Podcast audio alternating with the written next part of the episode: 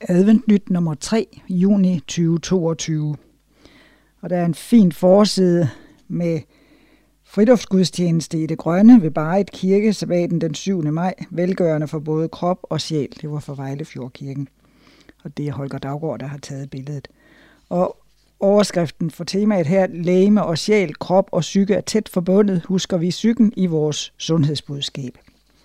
Og så har vi en indholdsfortegnelse, på side 3 er der lederen, side 4 rundt omkring, side 8 unionens sider, varme, vand og vækst, side 10 stress, når det er overtræk på kontoen, side 12 en historie indefra, side 14 så den påvirker skærmtid den mentale sundhed, side 16 stop sundhedskrigen, 18 AHA er til stor velsignelse, 20 fra marked til marken og tilbage igen.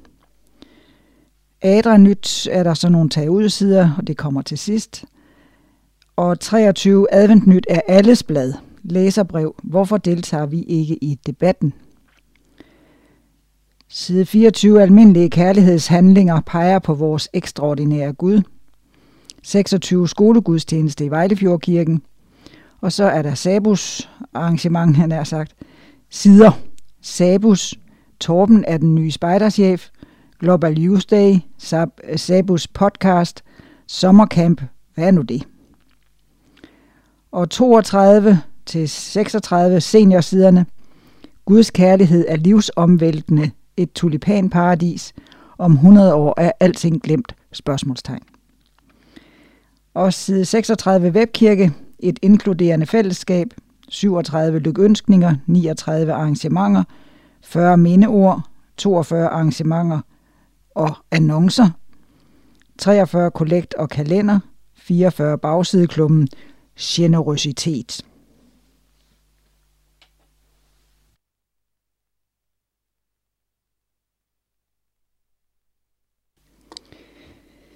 Side 3. Læme og sjæl. Frem for alt ønsker jeg, at du må have det godt og være rask, ligesom din sjæl har det godt. Det er lederen, det er Holger Daggaard, der er redaktør for Advent, der har skrevet det.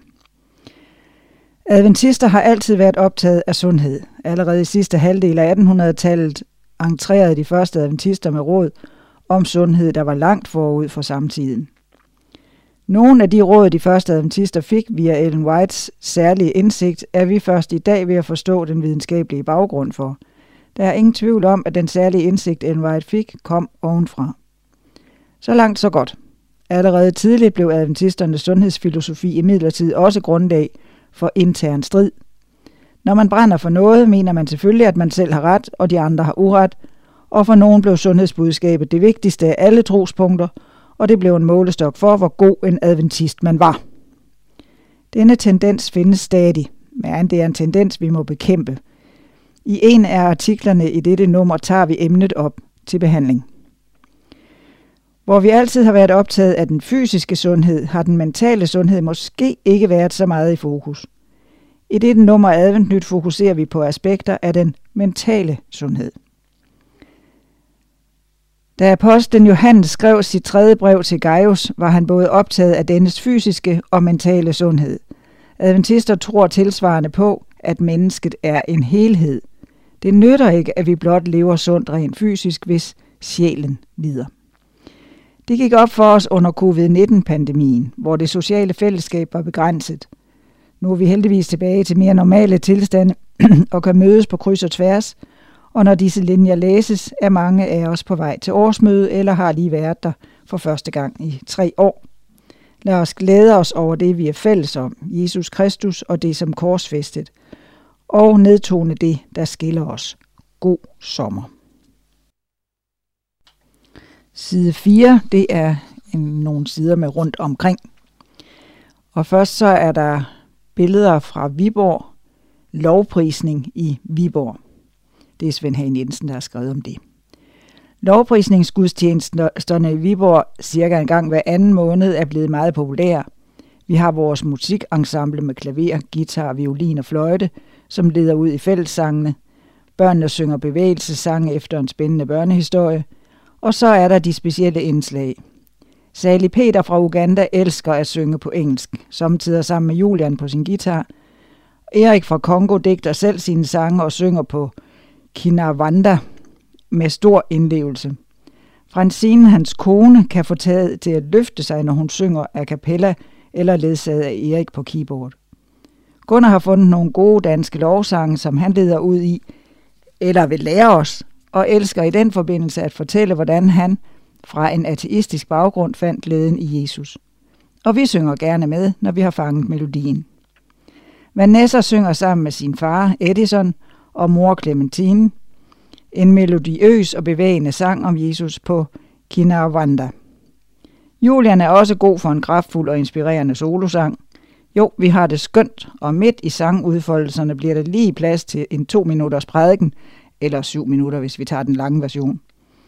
Ingen har travlt med at komme hjem, og vi bliver gerne til 15 minutter ekstra for at nyde samværet og sangen og den gode snak bagefter.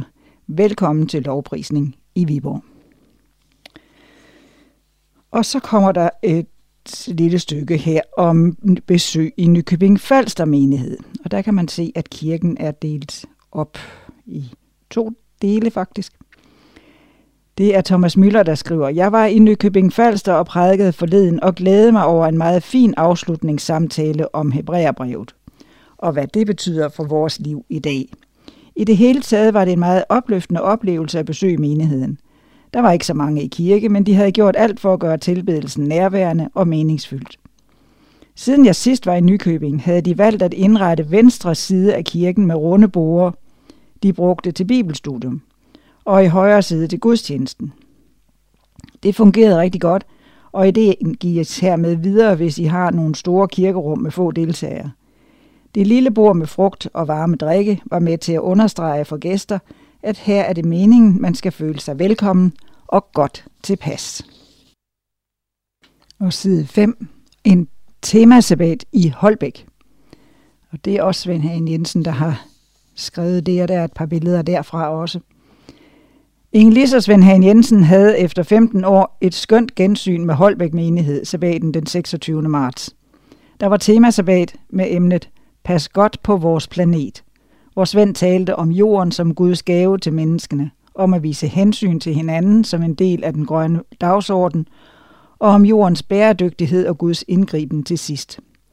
Sammen med menigheden var det gæster fra den internationale menighed i København, sanger om skaberen og skaberværket med Asbjørn Grav ved Aarhus og klaver var med til at sætte en opløftende stemning. Og så var der fællesspisning bagefter i lokalerne ovenpå og tid til hyggelig samtale og udveksling af minder. En dejlig sabbat til ære for skaberen og til glæde for alle fremmødte. Og så er der noget med en koncertoplevelse. Det er Ove Dahl, der har skrevet det, og det er Holger Daggaard, der har taget billede af et stort orkester. At musik påvirker os mennesker er hævet over enhver tvivl. Der er masser af musikalsk udfoldelse i vores menigheder, og det glæder mange.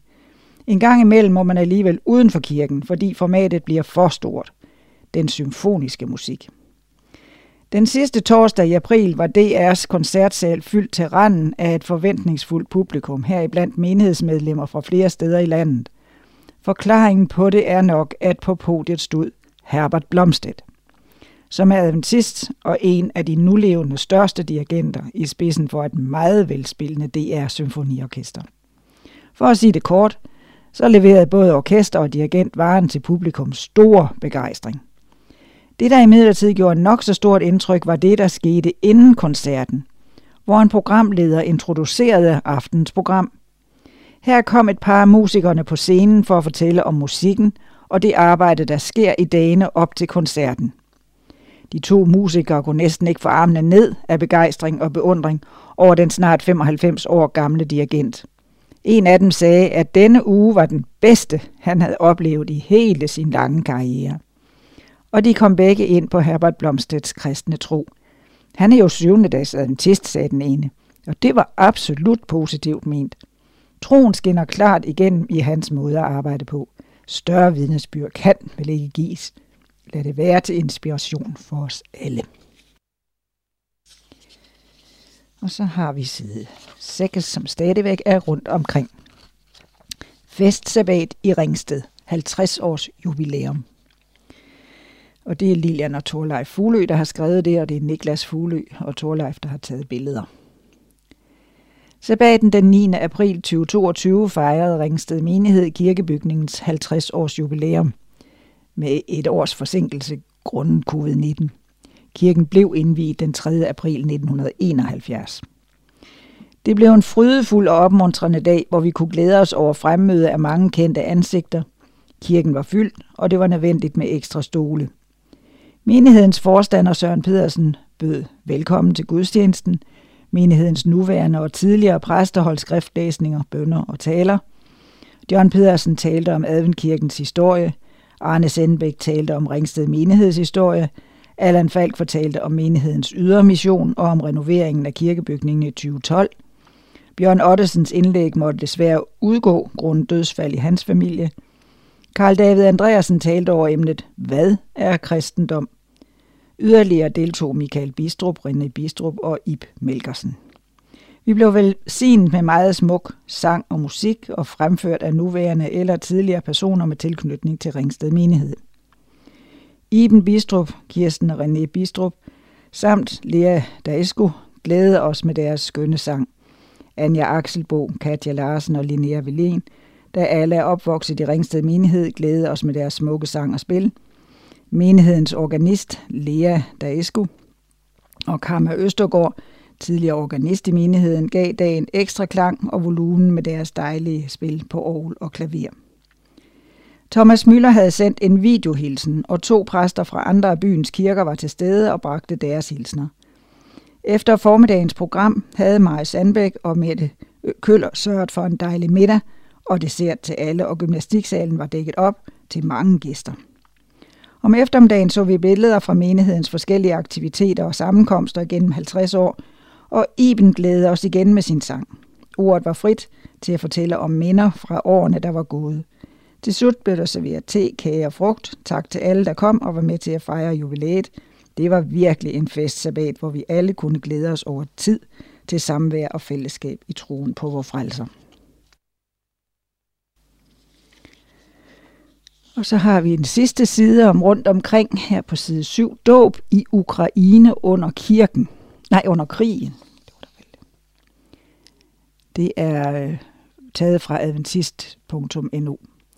Adventistkirken i Ukraine er ikke klar til at slukke lyset, og de har ingen trang til at gå stille med dørene. Stanislav Nosov, leder for menigheden i Ukraine, har set visse konsekvenser af krigen, som måske vil overraske.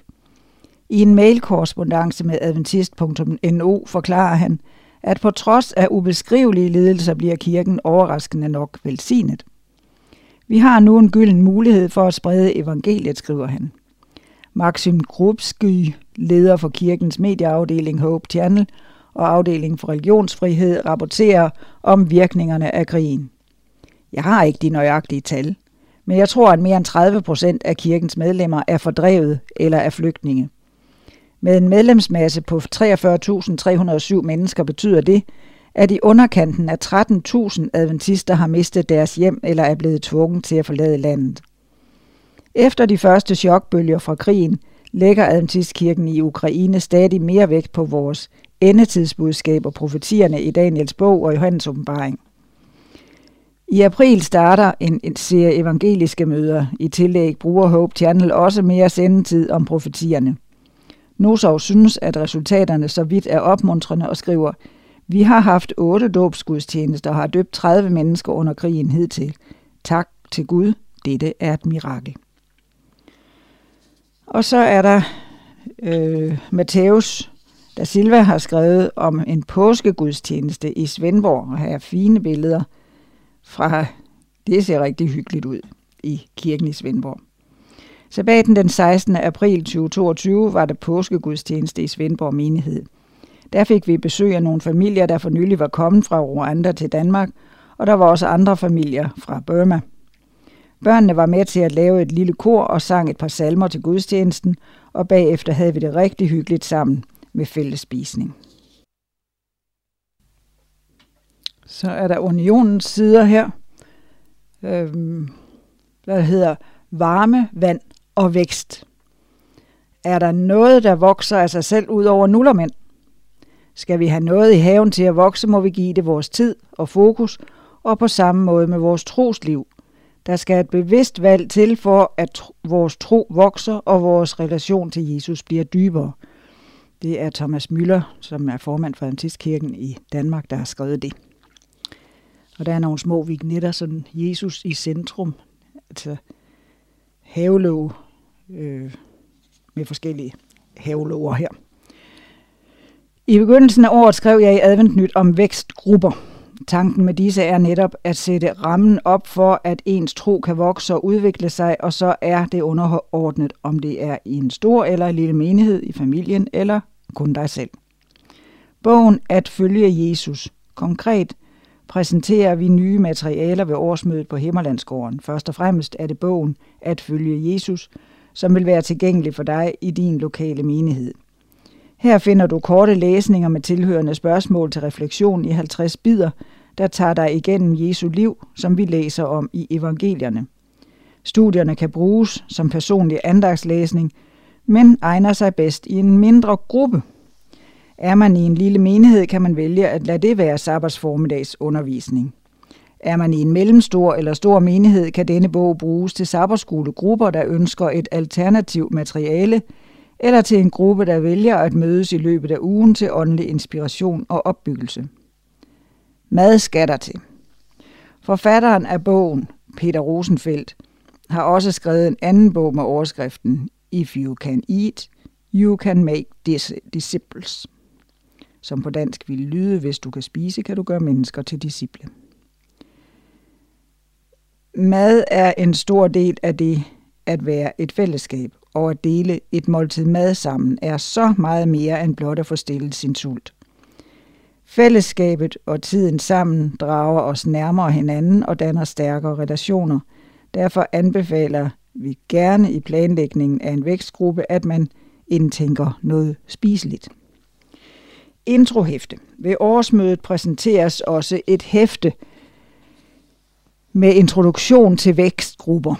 Dette hæfte ligger også elektronisk tilgængeligt på adventist.dk-vækstgrupper sammen med de andre ressourcer, der udvikles.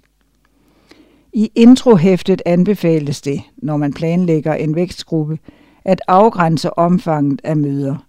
Der er få mennesker, der er villige til at forpligte sig til 50 onsdagsaftener det kommende år, hvis man vil gennemgå hele bogen. Men mange kunne godt forpligte sig til seks aftener over 6 eller 12 uger, hvor man mødtes i en mindre gruppe i et hjem. Spiste sammen, læste oplægget i bogen, drøftede spørgsmålene efterfølgende og bad sammen. Herefter kan man så vurdere, om der er interesse for at fortsætte. Strategien. Når vi fra ledelsen bruger kræfter på at skrive om dette, er det fordi, det er en del af strategien for denne fireårsperiode at styrke smågrupperne i menighederne og give de mindste menigheder med meget få medlemmer ressourcer til at styrke deres åndelige fællesskab. For at dette skal lykkes, behøver det ikke at være med udgangspunkt i den bog, vi har oversat og udgivet. Der findes meget andet godt materiale. Målet er at styrke medlemmernes åndelige liv. Når vi personligt oplever en fornyet begejstring for Bibelen og bøn, så smitter det af på de andre helt af sig selv. Hvis vi tror på vækst for Adventistkirken i Danmark, begynder det med os selv. Forord. I introhæftet skriver jeg følgende i forordet. Med dette hæfte ønsker vi at inspirere dig til at lære mere om vækstgrupper. Der er ikke én model, men vækstgrupper kan tage mange former. Vi har tidligere kaldt dem smågrupper, husgrupper, bibellæsegrupper, cellegrupper. Navnet er ikke så vigtigt. Det væsentlige er at skabe rammer for, at din tro kan vokse sammen med andre. Adventistkirken i Danmark ønsker i de kommende år at sætte et særligt fokus på vækstgrupper, både i små og store menigheder, og på den måde inspirere til åndelig fornyelse og at genfinde glæden ved bibellæsning og bøn. Det er en bevidst satsning for at øge engagementet i menigheden.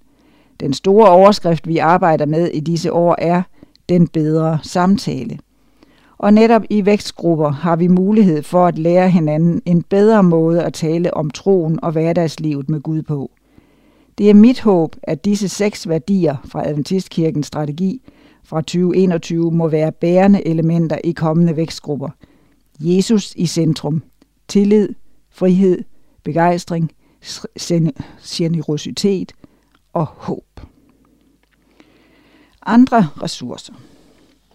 Udover bogen og introhæftet stiller vi et bogmærke til rådighed med en simpel model til bibellæsning samt nogle bibellæseplaner, der kan hjælpe dig med at sætte struktur på en hverdag med Bibelen.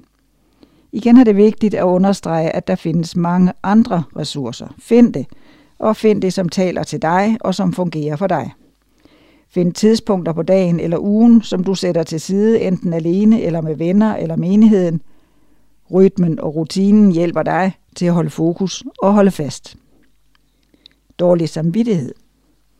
Hvis du er kommet så langt ned i artiklen, at du stadig læser med, er der gode chancer for, at den dårlige samvittighed allerede har ramt dig. I et stille eftertænksomt øjeblik vil man gerne, og man beslutter sig for, at det lyder spændende at være med til en vækstgruppe i seks uger. I et svagt øjeblik har du måske endda følt, at du godt kunne åbne dit hjem og holde vækstgrupper der. Men så rammer virkeligheden og hverdagen dig, og det er svært at få det til. Den dårlige samvittighed er en dårlig motivator. Beslut dig i stedet for, hvad der er realistisk for dig, og lad dig motivere af længsten efter at ligne Jesus mere og mere, og det positive i at blive fyldt af hans ord og vilje. Lad korset drage dig og erkend, at uden Kristi kraft i dig er der intet, der lykkes. Paulus udtrykker sin trøst til menigheden i Filippi, i Filippi på den måde. I tillid til, at han, som har begyndt sin gode gerning i jer, vil fuldføre den indtil Kristu, Kristi Jesu dag. Små skridt. Vi begynder med små skridt. Først beslutter vi os netop nu for, at vi ønsker at fylde hverdagen mere med Jesus. Dernæst vælger vi nogle skridt til, hvordan det så skal fyldes i hverdagen. I din lokale menighed vil der helt sikkert være forskellige initiativer, du kan koble dig på, hvor en vækstgruppe arrangeres eller noget andet planlægges, hvor du får mulighed for at vokse i din tro og din vandring med Kristus. Det er vores bøn til Gud, at hans ånd må vokse i os, og vores tro må styrkes.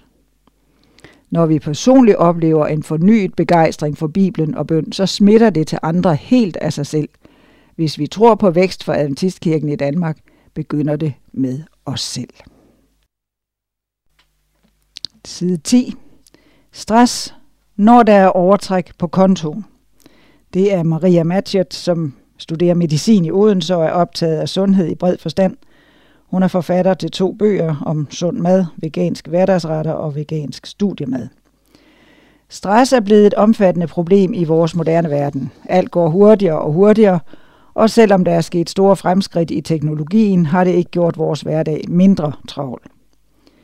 Når vi taler om stress, mener vi som regel den kroniske stress, der påvirker vores mentale og fysiske sundhed negativt.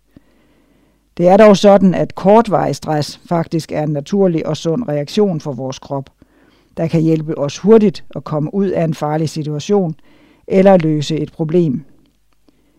Bagefter er det vigtigt, at stressresponsen slukkes igen, da den tærer på kroppens oplagrede ressourcer. Der er brug for tid til at opbygge kroppen igen. Problemet opstår, når vi i vores hverdag udsættes for konstant kronisk stress. Der bliver med andre ord konstant brugt af opsparingskontoen, uden at der bliver sat nok ind på den igen. Det er her, de forskellige stresssymptomer begynder at opstå, og de kan være alt fra træthed, hovedpine, fordøjelsesbesvær, hyppig sygdom til koncentrationsbesvær, glemsomhed, nedsat selvtillid og følelsesmæssig sårbarhed. På langt sigt kan den kroniske stress blandt andet øge risikoen for depression, hjertekarsygdom og muligvis kræft. Så hvad kan man gøre for at undgå kronisk stress med alle de negative følgevirkninger? Det kan være svært helt at undgå stress, men der er en del ting, man kan gøre for at reducere belastningen. Stress opstår, når der er krav, der overstiger ens ressourcer, enten det er fysisk, mentalt eller socialt. Det første skridt er nødvendigvis at kigge på, om man kan reducere mængden af krav, eller om man kan finde en bedre måde at håndtere kravene på. Dernæst er der en række ting, man kan gøre i dagligdagen for at modvirke stress. Disse tiltag er ment som en hjælp til at håndtere kortvarig stress og ikke som behandling for kronisk stress. Hvis man er syg af stress, er det vigtigt, at man søger hjælp, i stedet for at prøve at håndtere det selv. Søvn. Når vi sover, har hjernen og kroppen mulighed for at genopbygge sig selv. Ofte er søvn noget af det første, der bliver påvirket ved stress, og samtidig er gode søvnvaner en af de bedste måder at forebygge stress på. For det første, en god søvnrutine med faste sovetider hjælper med også at kunne sove i stressede perioder. Ikke at spise senere end tre timer før sengetid, holde sig fra skærme mindst en time før sengetid, og dyrke motion i løbet af dagen hjælper også på søvnen. Og motion. Når man er stresset, kan man føle sig utrolig træt, men ofte er det mental træthed – Daglig motion kan hjælpe med at få ro i kroppen og gøre det nemmere at sove. Samtidig frigiver motion endorfiner i hjernen, og de gør, at man føler sig mere glad og vel tilpas. Og når man er stresset, er det ikke ideelt at dyrke meget konditionstræning eller løbe langt, da det tærer på kroppens ressourcer og er en form for stress i sig selv. Her er det meget bedre at gå ture og lave afspændingsøvelser eller kortvarig styrketræning. Sollys – når man får sollys ind på nethinden i øjnene, dannes hormonet serotonin, som modvirker depression og giver mere energi og glæde. Vejrtrækning. Stress gør kroppen anspændt, og man trækker vejret mere overfladisk og hurtigt. Hvis man bevidst trækker vejret dybt og roligt, virker det afstressende. Man kan prøve at tælle til 4, mens man ånder ind, holde vejret i 3 sekunder – og så tælle til 6, mens man ånder ud. Frisk luft i naturen indeholder såkaldte negative ioner, nemlig vandmolekyler, der virker som antioxidanter i vores krop og neutraliserer de frie radikaler, der konstant dannes i kroppen. Og noget om kost. Det er meget naturligt at have trang til sukker, fedt, salt, kaffe osv., når man er stresset, da man tit føler sig træt. Det er dog ikke ideelt at give efter for denne trang – da disse madvarer kun giver kortvarig energi, og kroppen egentlig har brug for hvile og nærende mad, der holder blodsukkeret stabilt og hjælper kroppen med at genopbygge sig selv. Her menes der frugt og grøntsager, fuldkorn og nødder, det vil sige uraffineret plantemad. Selvom sukker er ufordelagtigt, da det giver blodsukkerudsvingning, der gør os trætte, skaber øh, oxidativt stress og sænker immunforsvaret, så er frugt på den anden side helt i orden – da det indeholder meget næring og holder blodsukkeret stabilt. Mental hvile.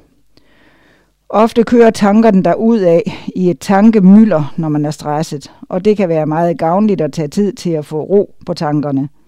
Man kan være tilbøjelig til at distrahere sig selv med diverse medier, men det er meget bedre at være i nuet og konfrontere sine tanker. Som kristen har vi et vidunderligt middel i bøn, hvor jeg selv synes, at mange ting falder på plads. Der kommer ro på tankerne, og vanskelighederne ser mindre overvældende ud.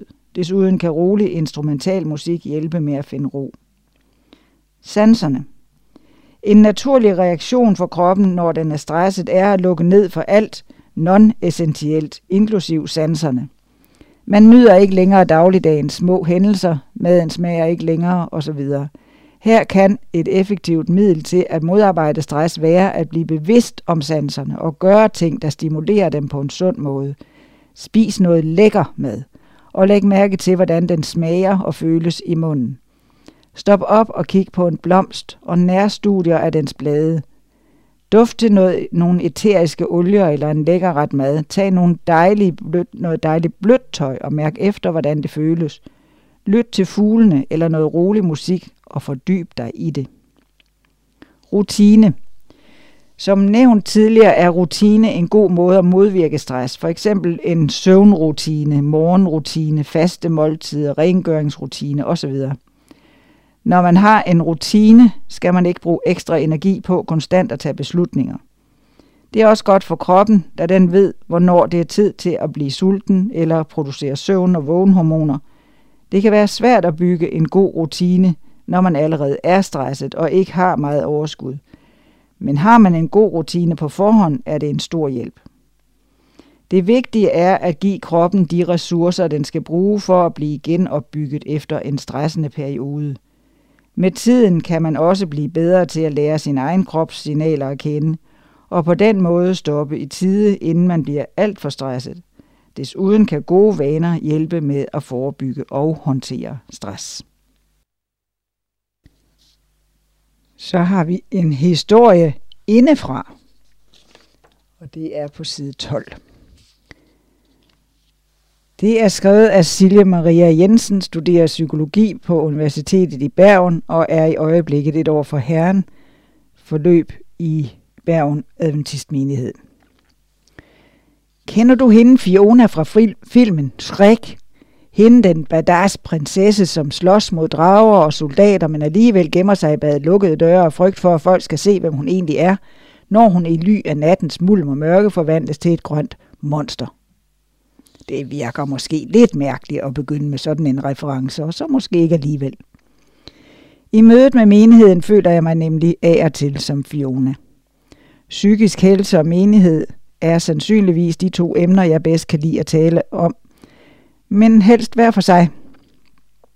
I mødet med menigheden har min historie som psykiatrisk patient nemlig lært mig, at det kan være farligt at blande psykologi og tro. Gennem menighedens historie er der ofte fejlagtigt blevet sat lighedstegn mellem psykisk og åndelig sundhed. Psykisk lidelse er blevet anset som et tegn på manglende tro. De, som havde det hårdt psykisk, var ikke syge, bare uomvendte. For menighedsmedlemmer og præster, som tidligere har kæmpet med skam og dårlig samvittighed, må dette have været en tung byrde at bære. Alligevel kan vi ikke benægte, at menigheden og psyken har en gensidig påvirkning på hinanden. Den ene eksisterer ikke uden den anden, for alle mennesker har en psykisk helse, og alle medlemmer i en menighed er per definition mennesker.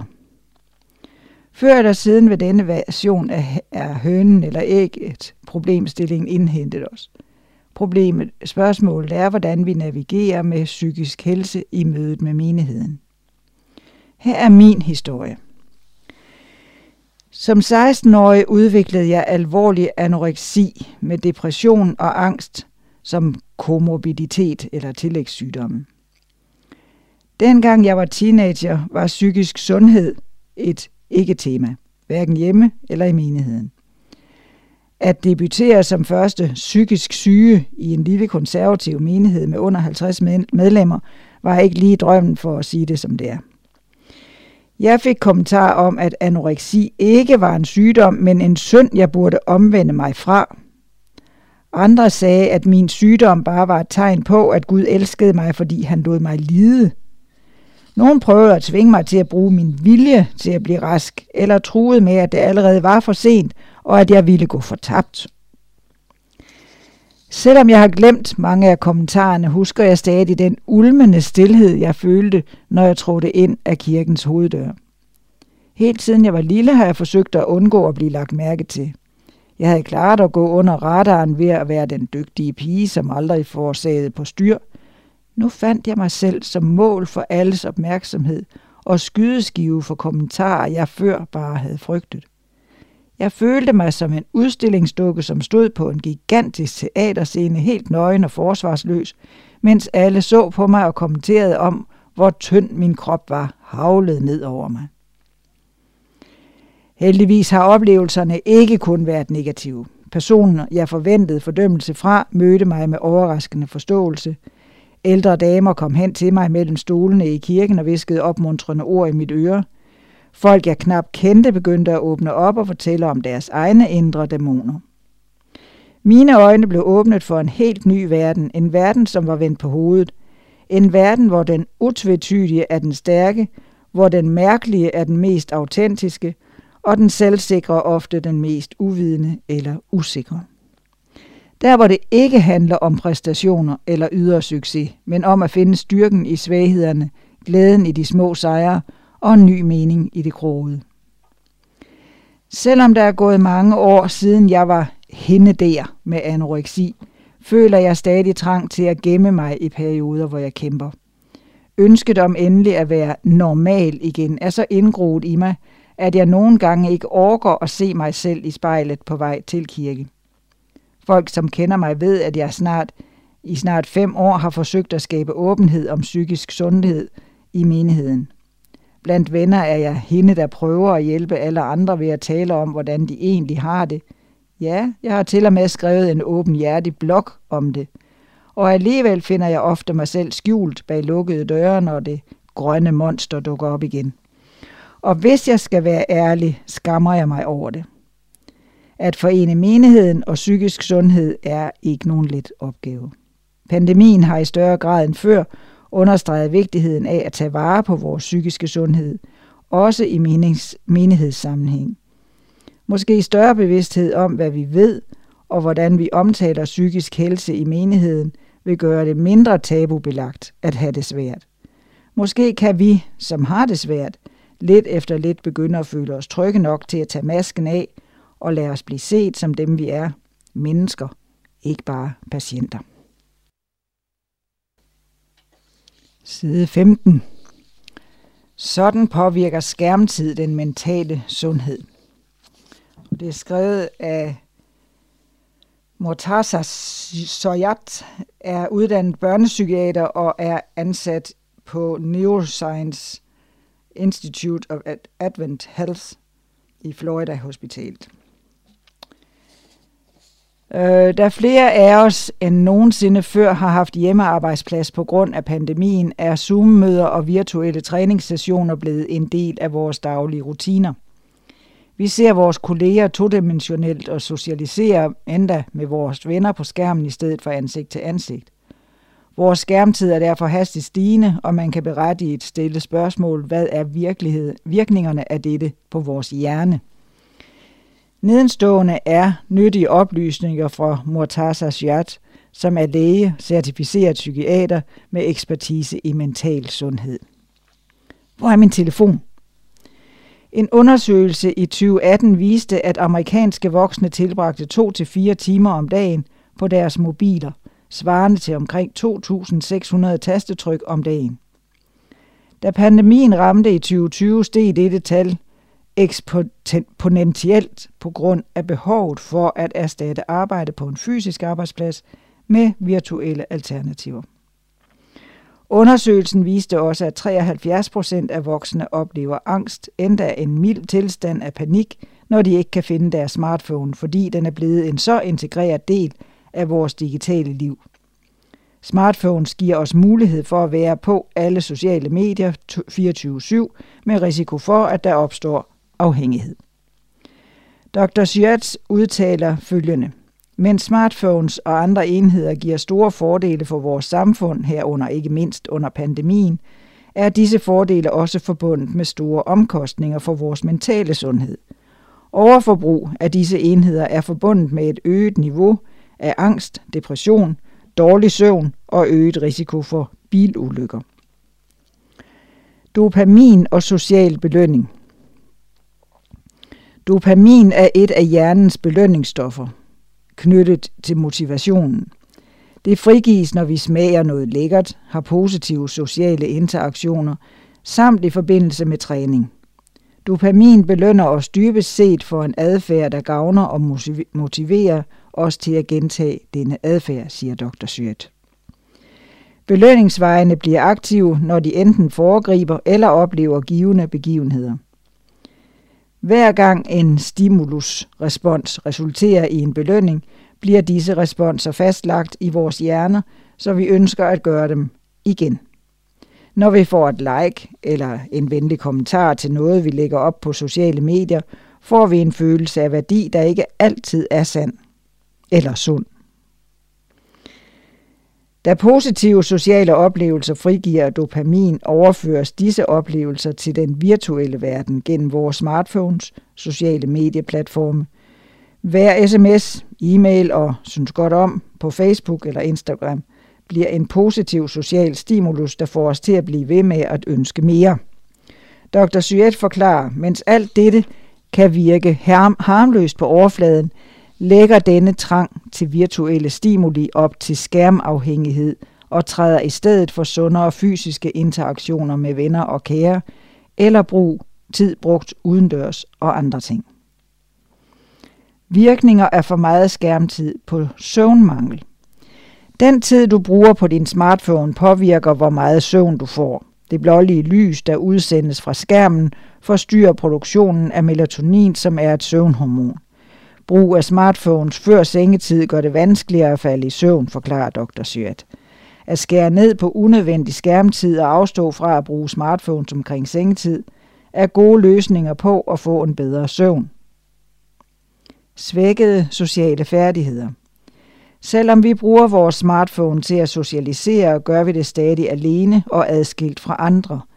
At have færre interaktioner fra det virkelige liv fører til mindre øvelse i at omgås andre fysisk, mere social angst og ensomhed.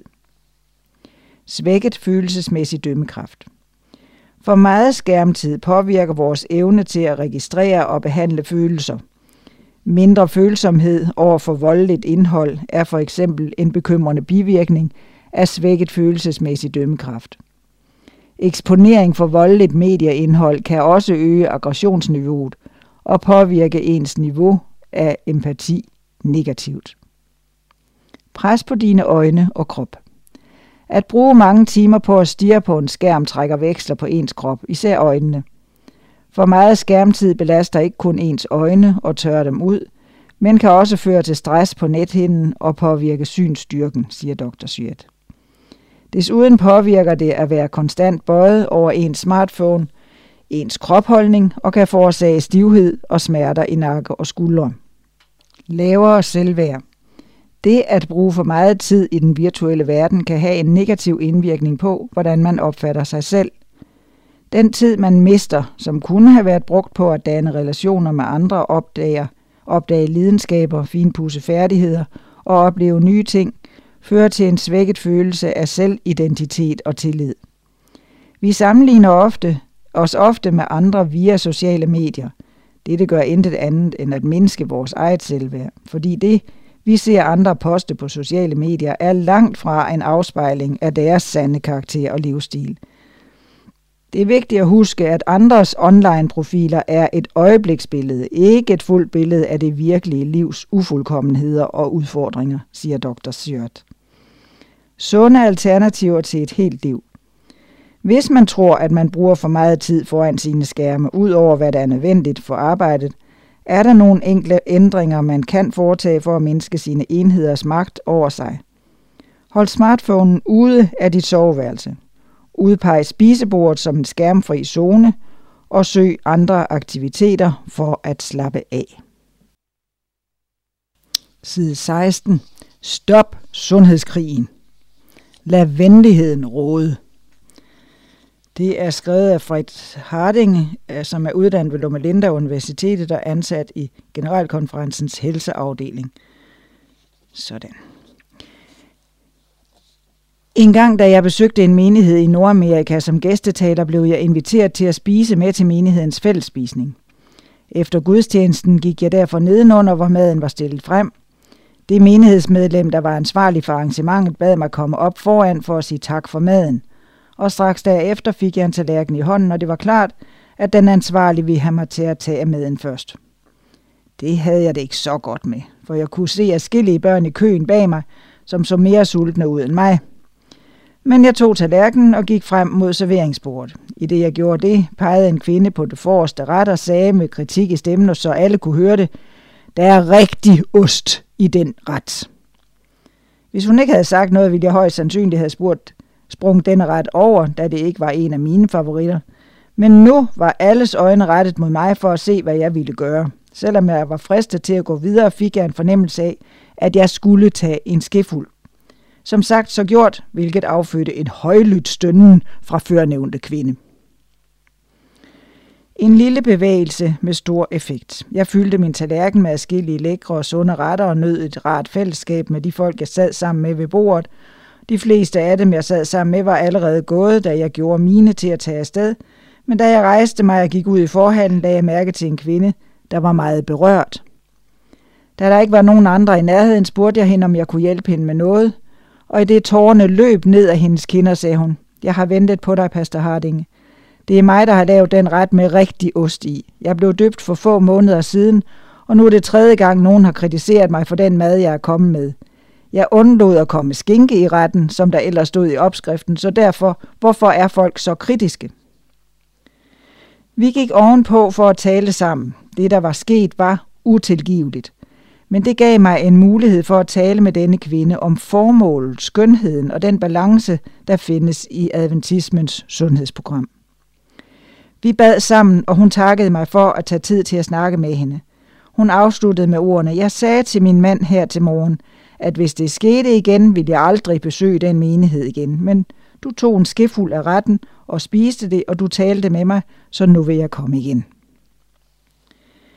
Vær en ven. Omkring halvandet år efter episoden, jeg har beskrevet, talte jeg med den lokale pastor om den, og jeg fik at vide, at hans kone var blevet venner med damen og havde lært hende at lave vegetarisk mad. Kvinden er i dag et trofast og stabilt medlem af menigheden, og det er hende, der står for fællesspisningerne. Hendes mand er oven i købet blevet døbt i mellemtiden. Tænk, hvilken forskel en lille servering kan have. Vi må altid spørge os selv, elsker vi mennesket mere end vores sundhedsprincipper? Et fantastisk sundhedsprogram.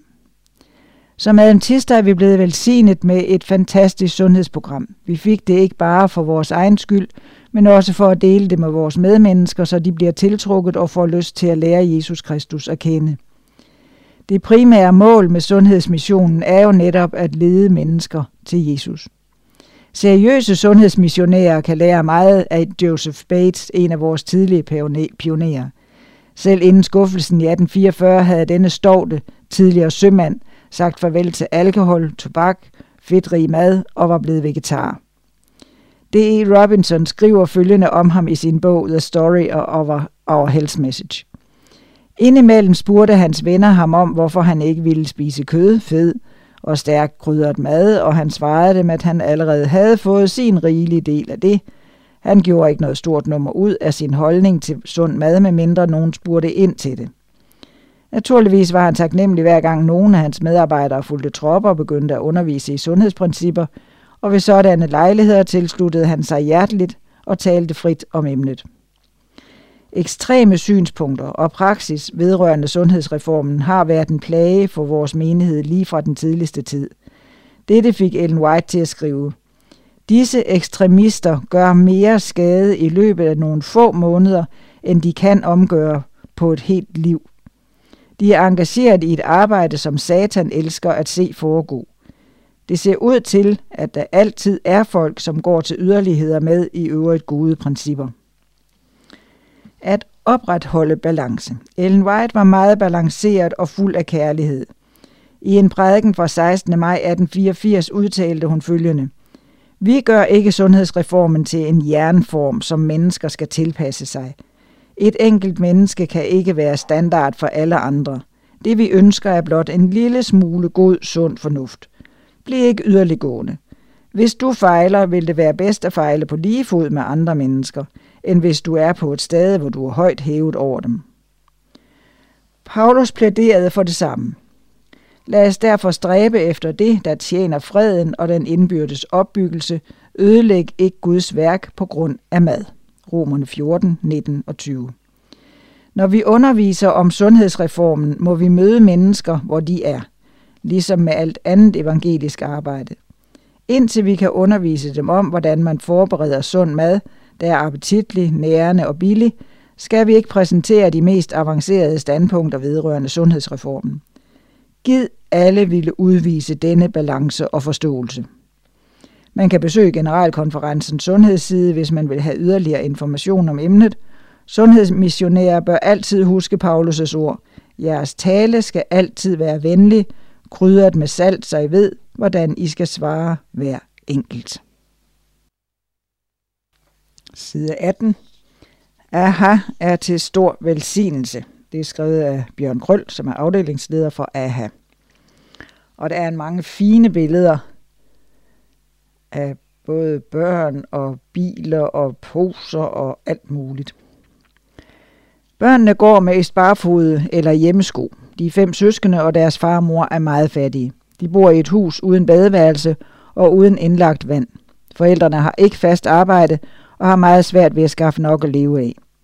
Naboerne vil gerne hjælpe og gav dem en gammel slidt vaskemaskine, men da de ikke har indlagt vand, må de hente vand og hælde i vaskemaskinen, når de skal vaske tøj. Selvom børnene bor under så dårlige forhold, er de velopdragende og meget dygtige i skolen, og da menigheden afleverede nogle sække med tøj til børnene og de voksne, var de meget taknemmelige og krammede dem, der kom med tøjet. Den ældste dreng tog med det samme den jakke på, som han havde fået, og ville gerne fotograferes og sige tak til dem, der har sendt hjælpen. Det er bare en af de mange historier, der kan fortælles om Ahas arbejde med at samle tøj ind til fattige og nødlidende børn og voksne. Aha gør en forskel. Adventisternes hjælpearbejde hed i mange år Dorcas, men skiftede navn i 1994 til AHA. Og det er blevet sendt, der er blevet sendt store mængder af tøj fra laverne i Danmark, primært til østeuropæiske lande og især til Serbien. Her har vi et trygt og godt samarbejde med adventistmenighederne og ADRA, som hjælper med at distribuere tøj ud til de mange fattige og dårligt stillede mennesker i de lokale områder, hvor menighederne er. Folk bliver hjulpet, uanset religion, alder og holdninger, og mange er i nød på grund af arbejdsløshed og en meget ringe hjælp fra de sociale myndigheder.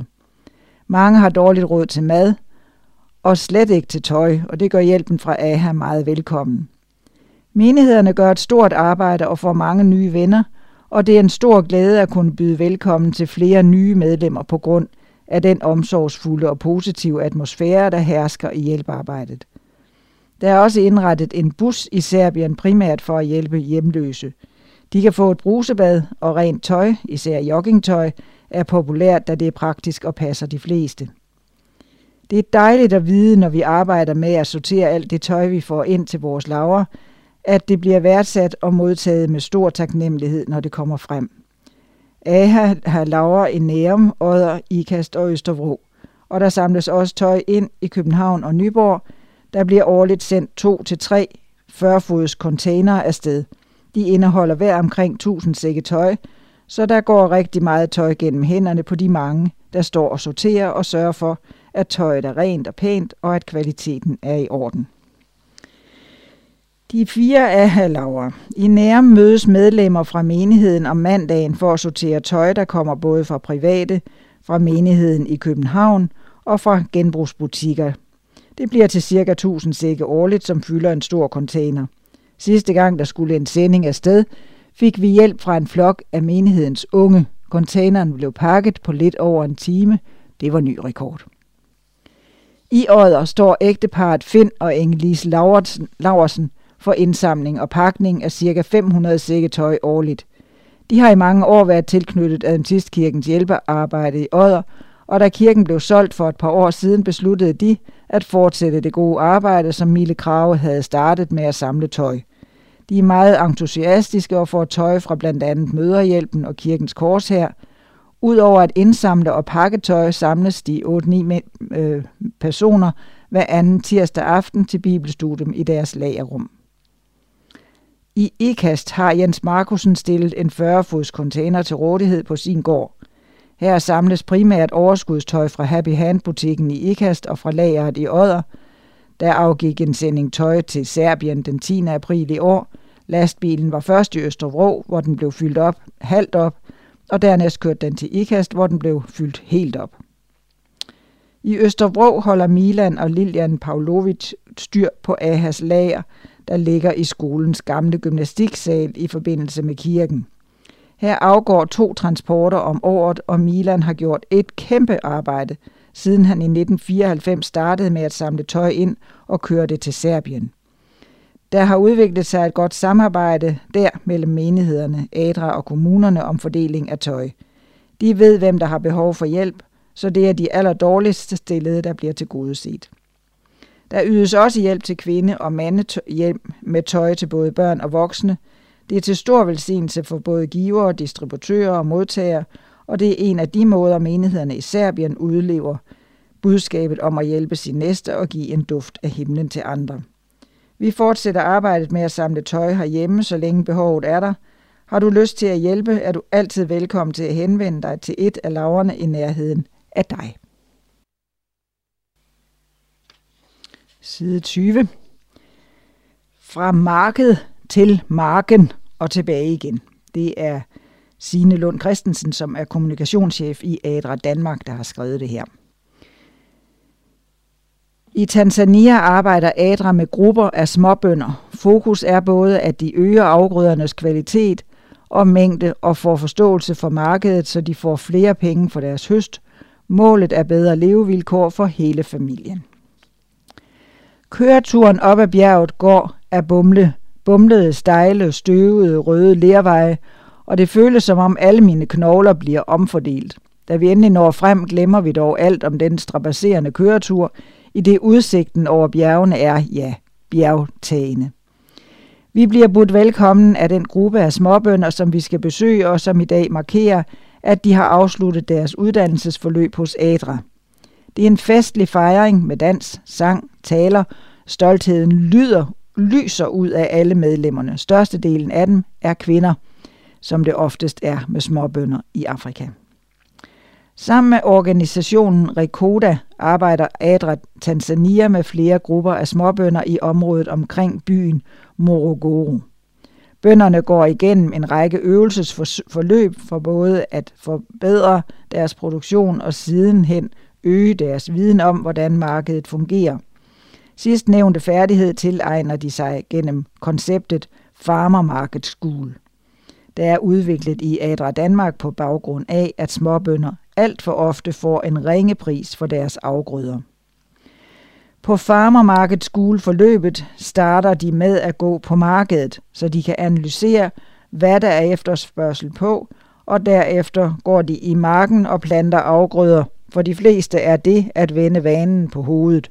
Før i tiden dyrkede de blot det, de var vant til, for derefter finde ud af, om det kunne sælges på markedet. Nu starter vi på markedet, og først derefter går vi i marken, fortæller de mig alle sammen. I gruppen, jeg besøger, hjælper og støtter de hinanden, når der skal hentes gode råd til dyrkning, salg eller andre udfordringer. Gruppen fungerer samtidig som en spare-lånegruppe, en ultralokal sparekasse, hvor medlemmerne i fællesskab laver en opsparing til individuelle investeringer. Fællesskabet er alt afgørende. På bjerget får jeg mellem festlighederne lejlighed til at tale med nogle af medlemmerne. Maneno Hassan er 25 år og har været med i gruppen i to år. Han fortæller mig, at han nu har forøget sin produktion, fordi han ved mere om, hvordan han dyrker gode afgrøder med bedre dyrkningsmetoder. Før høstede han cirka den dobbelte mængde bønder af, hvad han såede. Nu er høsten øget med det tredobbelte. Tidligere solgte jeg mine afgrøder til en mellemmand direkte fra marken, men han gav en meget lav pris for varerne efter at have besøgt markedet for at undersøge efterspørgselen og priserne. Sælgerne er nu selv bønder fra en bod, og prisen er steget fra 12.000 shilling per sæk til 17.000 shilling per sæk, fortæller Maneno. Men Nino har fået mod på forretningslivet, og hans drøm er nu at spare sammen til at åbne en lille shop med ris, mel, sæbe og andre fornødenheder. Der bliver ikke dyrket ris her i området, så jeg ved, at der er efterspørgsel på ris. Derfor tænker jeg, at det er smart at sælge i min butik, fortæller han og demonstrerer hermed sin nye forståelse af markedskræfterne. Opsparing til butikken skal komme fra sparelånegruppen, hvor han allerede har sat en del penge ind på bankbogen. At være med i gruppen er alt afgørende. Vi hjælper hinanden, lærer af hinanden og deler erfaringer og idéer, siger den unge landmand. På min tur til Tanzania besøger jeg flere grupper af småbønder, som alle har været igennem Farmer Market School træningen. Sammenhold og fællesskabsfølelsen går igen hos alle, jeg interviewer. Råd til dyr uddannelse. I en anden gruppe taler jeg med kvinden Asha Kibiki Masuhanya, Hun er 40 år som har været en del af gruppen af småbønder i de sidste fire år. Før i tiden dyrkede hun sine afgrøder efter dårlige og ineffektive metoder, men nu har hun øget sit udbytte væsentligt. Jeg forstår markedet bedre, siger hun og forklarer, at hun i dag ved, hvordan hun skal beregne prisen ud fra kvalitet, produktionsomkostninger, udbud og efterspørgsel. Jeg sorterer mine bønder, så de dårlige tages fra, og dermed kan jeg tage en højere pris for produktet, fordi kvaliteten er bedre, erkender Asja. Det er et klassisk greb, man lærer på Farmer Market School, at øge kvaliteten og pris af afgrøderne med simple indsatser. Et andet greb er at forarbejde grøntsagerne for eksempel ved tilberedning. På den måde kan bunden sælge dyrere og få en højere fortjeneste. Samtidig giver den nye viden og gruppens samarbejde selvtillid til at indgå i forhandling med opkøberne på markedet, frem for bare at acceptere det første pristilbud. Med den øgede indtjening kan Asja nu give sin ældste datter på 17 år en uddannelse. Jeg kan nu sende min datter på skole, så hun lærer om medicin og får en uddannelse som apoteksmedarbejder.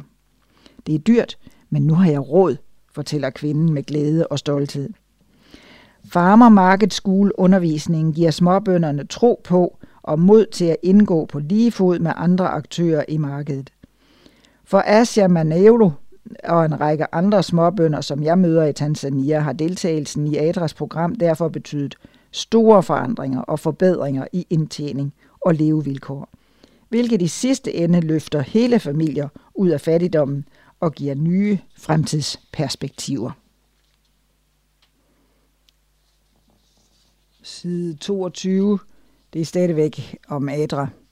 Adra Danmark i Tanzania, og det er Signe Lund Christensen, der har skrevet om. Der er et fint billede af... Ja, det ser meget festligt ud. I Tanzania støtter Adra Danmark småbønder gennem programmet RIPAT øh, og konceptet FMS, det er Farmer Market School. Det sker i samarbejde med Adra Tanzania, en lokal NGO med navn Rekoda, og et af de førende landbrugsuniversiteter i Tanzania, Sokoine University of Agriculture. RIPAT er en udviklet af Rekoda i samarbejde med Rockwool-fonden, og går for, for, kort fortalt ud på at undervise småbønder i de mest effektive landbrugsmetoder, som de selv lærer fra sig til naboer og nabolandsbyer. Samarbejdet småbønderne imellem og dynamikken i RIPAT-grupperne er af stor betydning.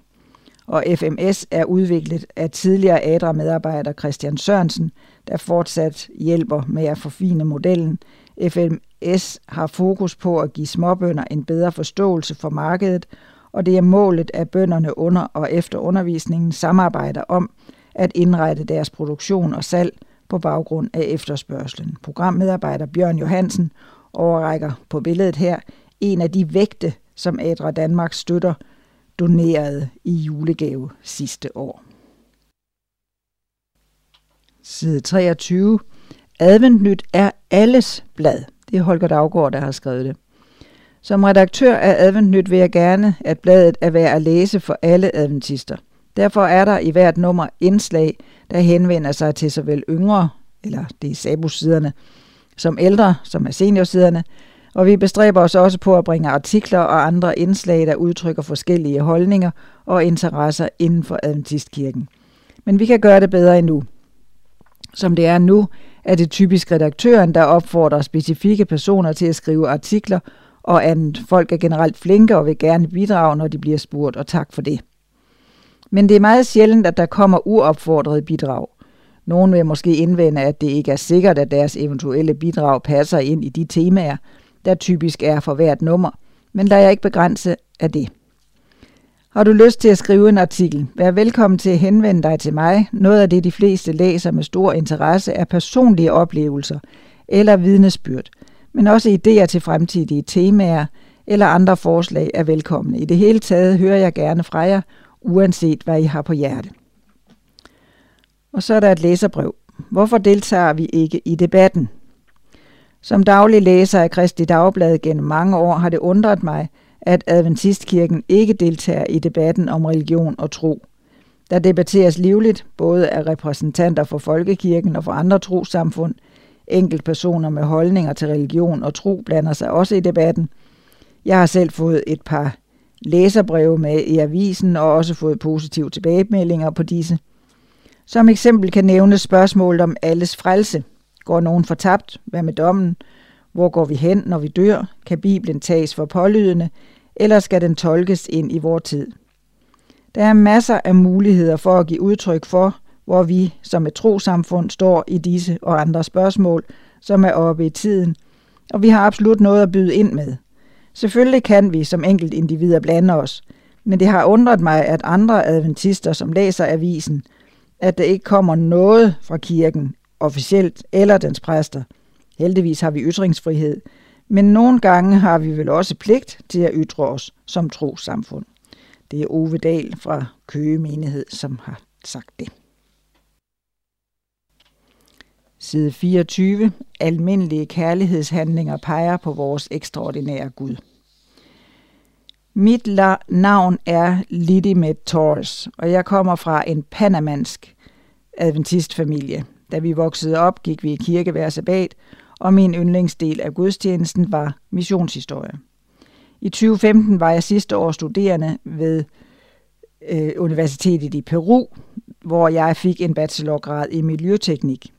Derefter udarbejdede ungdomsafdelingen et særligt program om missionsmuligheder.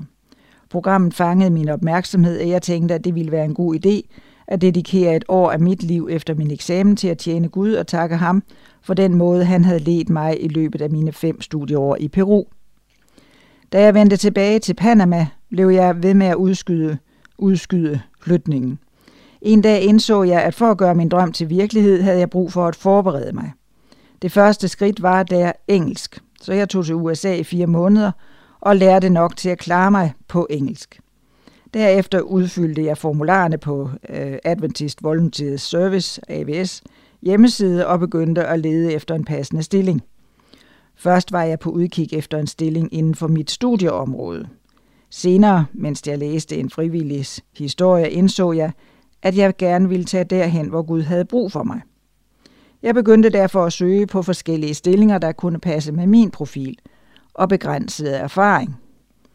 Efter en lang ventetid modtog jeg en e-mail, hvor i der stod, Liddy, du er blevet accepteret til at tjene i Danmark.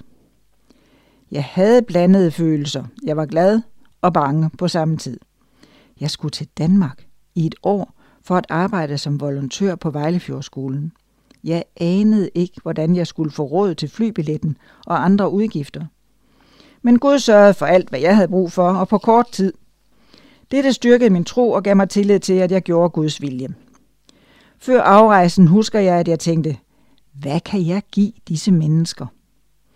Når jeg tænker på skandinaviske lande, har jeg en tendens til at forestille mig rige mennesker uden behov.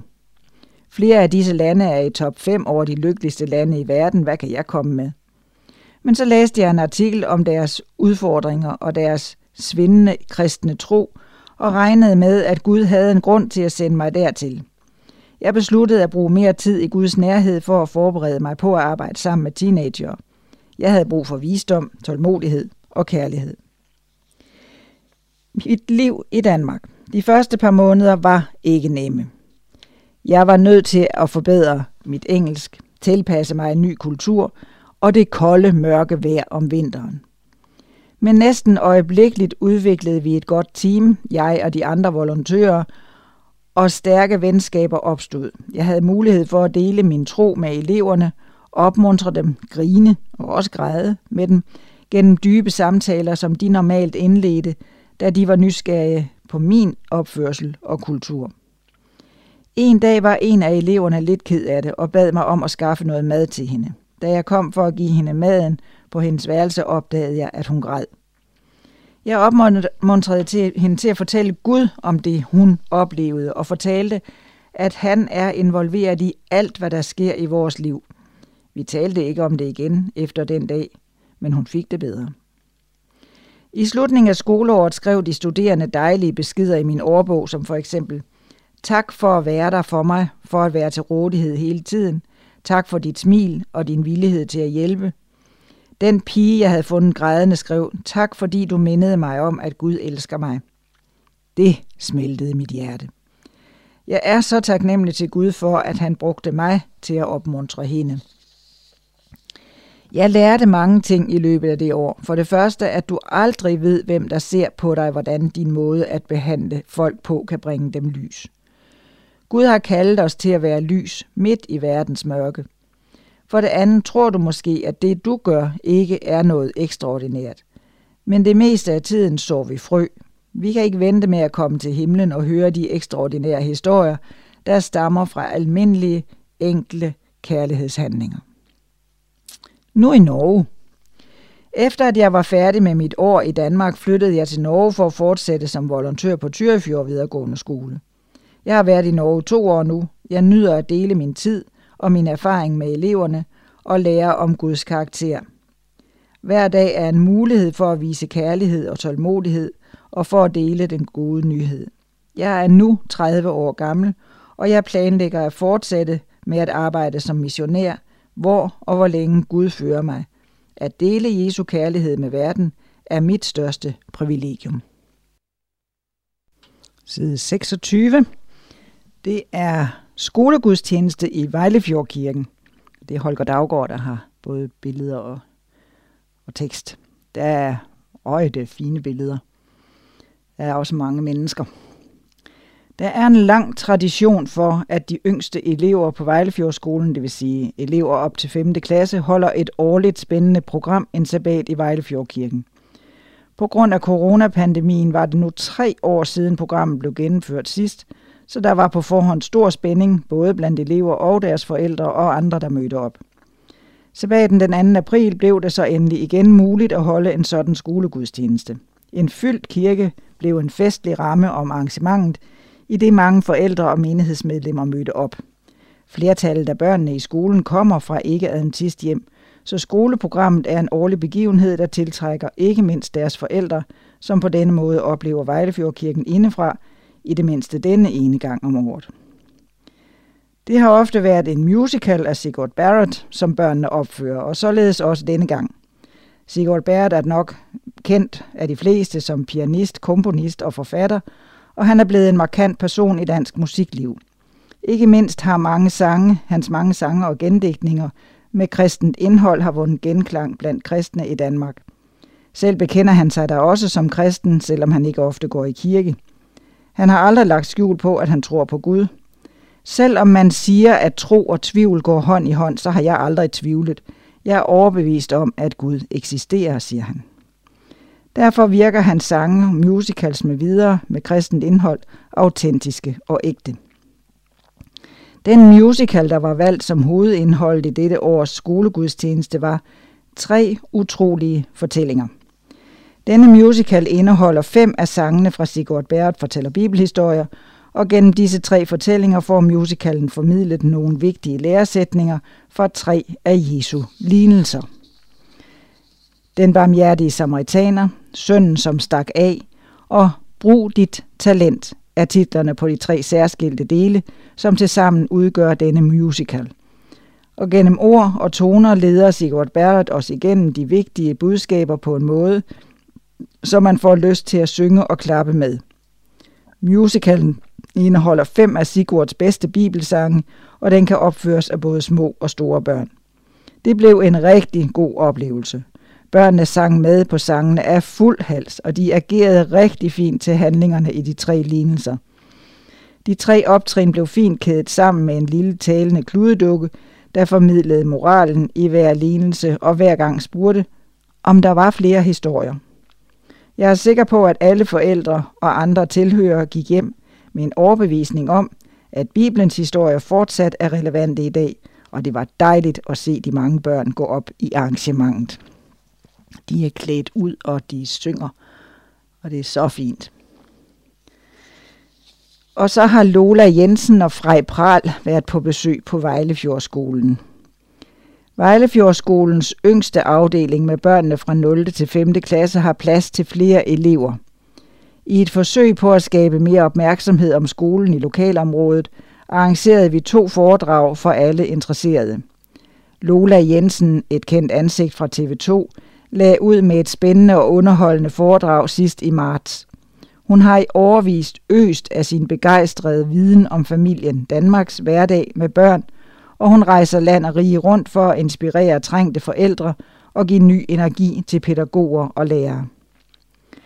Det blev lige så spændende og humoristisk som forventet. Lola Jensen har en evne til at sætte ting på spidsen og dermed få understreget vigtige pointer – Hvem husker ikke hendes tegning af et barns hjerne og de ufattelige mange påvirkninger, de skal tage stilling til? Det var næsten mere stand-up komik end en traditionelt foredrag, og folk lyttede, grinede og klappede.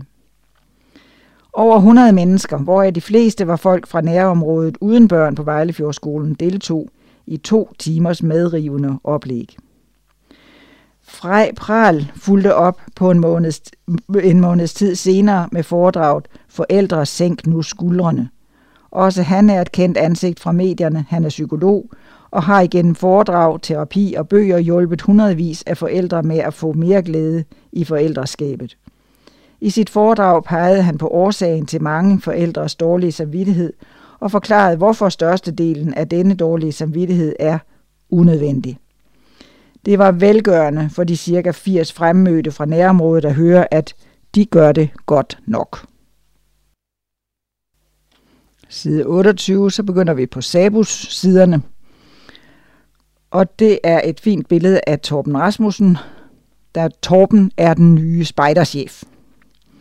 Og det er Dorte Tyrgod Svendsen, der har skrevet det, og foto Torben og Gabrielle Rasmussen. Fortæl lidt om dig selv og hvad du har arbejdet med hidtil. Ja, de sidste knap 15 år har jeg været lærer på Vejlefjordskolen, hvor jeg i mit arbejdsliv har fået lov til at arbejde med mange forskellige arbejdsområder, som ud over mine undervisningsfag i dansk historie og naturfag, også har involveret friluftliv og vandliv med kano, kajak, sejljoller, samt arbejdsmiljø og bestyrelsesarbejde. Jeg har altid været meget engageret i det kirkelige arbejde, men min særlige interesse for spejderlivet blev grundlagt, da jeg var 6 år gammel, og jeg har med få års pauser været meget engageret i spejderarbejdet lige siden på mange forskellige niveauer, både lokalt og på landsplan. Hvilke tanker har du så gjort dig i forhold til opgaven som spejderchef og foreningskonsulent? Helt grundlæggende ser jeg det som en vigtig opgave, at jeg får en tæt kontakt til det lokale arbejde i spejdertroppene og Sabus foreningerne. Det er her det egentlige arbejde med børn og unge foregår, og som en del af landsorganisationens ledelse er det min opgave at udruste og støtte det lokale arbejde. Men der ligger også særlige opgaver og muligheder i det landsdækkende arbejde for at skabe netværk og udvikle både lederne og de unge gennem de arrangementer, ture og stævner, vi arrangerer i Sabus. Hvor ser du de største gevinster i samarbejdet mellem menigheder og Sabus? Vi har alle sammen brug for inspiration og motivation til det liv, vi skal leve. Det kan handle om konkret indhold gennem inspiration til aktiviteter, men det kan i lige så høj grad handle om relationer og værdier. Og her spiller det en rolle, at vi har en landsorganisation, der kan være med til at planlægge og give rammer for, at det kan foregå. Menighederne i Danmark er meget forskellige. Nogle er små, og andre er større, men alle sidder med stærk følelse af, at vi har en stor opgave og et ansvar for vores børn og unge og for vores lokalsamfund. Det kan være en tung opgave at løfte det ansvar, især hvis man ikke er mange. Men fordi vi er en del af et landstækkende arbejde, er vi aldrig alene. Hvis der er brug for idéer for særlige aktiviteter, eller bare et par ekstra hænder til et arrangement, så er vi et stort netværk, som har mulighed for at inspirere, rekruttere og give noget af det, der skal til for at få enderne til at mødes. Og her er det vigtigt, at vi kender hinanden godt og tør henvende os til hinanden, så vi kan styrke det arbejde, som menighederne drømmer om. Hvad drømmer du om, at Sabus er om fem år? Jeg drømmer om, at Sabus har et velorganiseret arbejde i alle menigheder, som trækker på et landsdækkende netværk af ledere og engagerede frivillige til gavn for kirkens arbejde blandt børn og unge. Men også at Sabus er involveret i kirkens arbejde lokalt og på landsplan som ressource og i gang sætter af initiativer, som engagerer de unge og deres lokale menigheder i at finde måder at gøre Gud kendt i samfundet omkring os. Sabus er ikke kun en afgrænset del af kirkens arbejde. Det kan være flagskibet i en storstilet indsats, der kan involvere hele menighedsfamilien i at skabe relationer til mennesker omkring os. Når vi skaber relationer til børn og unge, skaber vi også relationer til deres forældre og deres bedsteforældre, og de relationer skal vi forstå at inddrage og involvere os i, så vi kan dele den velsignelse, det er at have Gud med i hverdagen, og det håb, det giver for fremtiden. Det var om Torben, og så har vi en om Global Youth Day. Det er Jonas Jalving, der har skrevet det, og Dorte har taget billeder. Kalenderen skriver lørdag den 19. marts, og som undertitel står der Global Youth Day. Det bringer et smil frem på mine læber. Global Youth Day er den ene dag om året, hvor millioner af unge adventister verden over tager ud på gader og stræder for at være gudstjenesten. I stedet for at mødes i de lokale kirker rundt om i verden, tager de mange unge ud for at gøre noget godt for andre og for at vise Guds kærlighed til mennesker. Det er den ene dag om året, hvor man ikke kommer i kirke for at modtage et ord fra talerstolen, men for at være ordet ude i verden. Vi zoomer lige væk fra det store verdensbillede, man måske forestiller sig, når man bliver introduceret for Global Youth Day. Vi zoomer ind til Danmark. Nærmere betegnet til Frederikshavn, hvor Sabus var på besøg hos Embracing Church for sammen med dem at streame et nationalt Global Youth Day event. Her i Danmark er der massevis af unge mennesker, der går på gaden, til plejehjem, til flygtningecentre eller hos hjemløse for at uddele materialer, mad, drikke, kage og ikke mindst af den gudgivende kærlighed, vi har at dele ud af. Denne gang tog Sabus til Frederikshavn for at streame en lovsangsaften i forbindelse med Global Youth Day. Det var ikke første gang, vi har gjort det. I 2021 var vi nemlig i Aalborg, hvor vi i forlængelse af vores nationale teen-døgner streamede en lovsangskoncert for hele landet. Ligesom i 2021 fungerede streamingen som samlingspunkt for alle unge, der i løbet af Global Youth Day havde været ude og sprede glæde og håb. Programmet blev optaget i fantastiske rammer hos Embracing Church lokaler i Frederikshavn. En god håndfuld mennesker dukkede op til Frederiks, i Frederikshavn og nød en dejlig aften sammen, hvor vi kunne lovsynge sammen, lytte til et stærkt vidnesbyrd fra Rasmus Hauer, Selvom events som disse på mange måder kan være stressende og problematiske med så mange tekniske aspekter, så ender disse aftener altid med, på mirakuløs vis, at være utrolig veludført og meget givende for alle, der er involveret og til stede. Fra Sabus' side vil vi gerne sige tusind tak til hele teamet hos Embracing Church og til alle, der så med på streamingen og som mødte op i Frederikshavn. Lad os sørge for, at budskabet bag Global Youth Day ikke kun bliver en årlig begivenhed, men bed Gud om at fylde os med lysten og viljen til at gøre noget godt for andre hver eneste dag. Sidste gang, der var en artikel her i bladet om vores Sabus podcast, der var podcastserien lige skudt i gang med en pilotepisode, og vi brugte pladsen på at forklare, hvad formålet med podcastserien er. I skrivende stund har vi optaget og udgivet tre episoder, som alle er blevet streamet og downloadet en del gange. Tak til jer, der har givet den et lyt. Vi håber, de har været til inspiration for jer. De to podcast-episoder, vi har optaget og udgivet siden sidst, har været mere dybdegående, diskuterende og specifikke i deres emner. Episode nummer to blev optaget med Ja, se, det kan jeg altså ikke rigtig udtale. Men i hvert fald Zacharias Bindesbøl og Lasse Bæk. Emnet var sabbaten, og der blev snakket åbent om de problemstillinger, man står i som teenager, når man skal have sabbaten til at passe ind i ens liv. Episode nummer 3 blev optaget med Karin Carico og Anne-Marie Møller, hvor emnet var dåb. Her introducerede vi også et nyt hot takes indslag, som kommer til at være en fast del af fremtidens podcasts – under det indslag præsenterer vi vores gæster for et par kontroversielle holdninger, som de så skal tage stilling til. Episode 2 og 3 kan man høre på sabus.dk og der, hvor du ellers lytter til podcasts. Vi elsker at optage de her podcast, og vi glæder os til at lave den næste. Vores teenager er super gode til at komme med relevante emner at snakke om, og de er også virkelig gode at have med i optagelserne. Igen vil vi nævne, at vores podcast kan være godt materiale til en sabberskole eller andagt, hvis man har brug for det, og ellers er man altid velkommen til at hive fat i Jonas Hjalming eller mig selv, hvis man har gode idéer til fremtidige podcast-emner, eller hvis man har kommentarer til en af vores podcast. Stay turner for more. Og så har vi noget mere sabus her det er sommercamp. Hvad er nu det? Og i hvert fald er der en masse billeder af børn og ja, alt muligt. Hverdagens superhelte.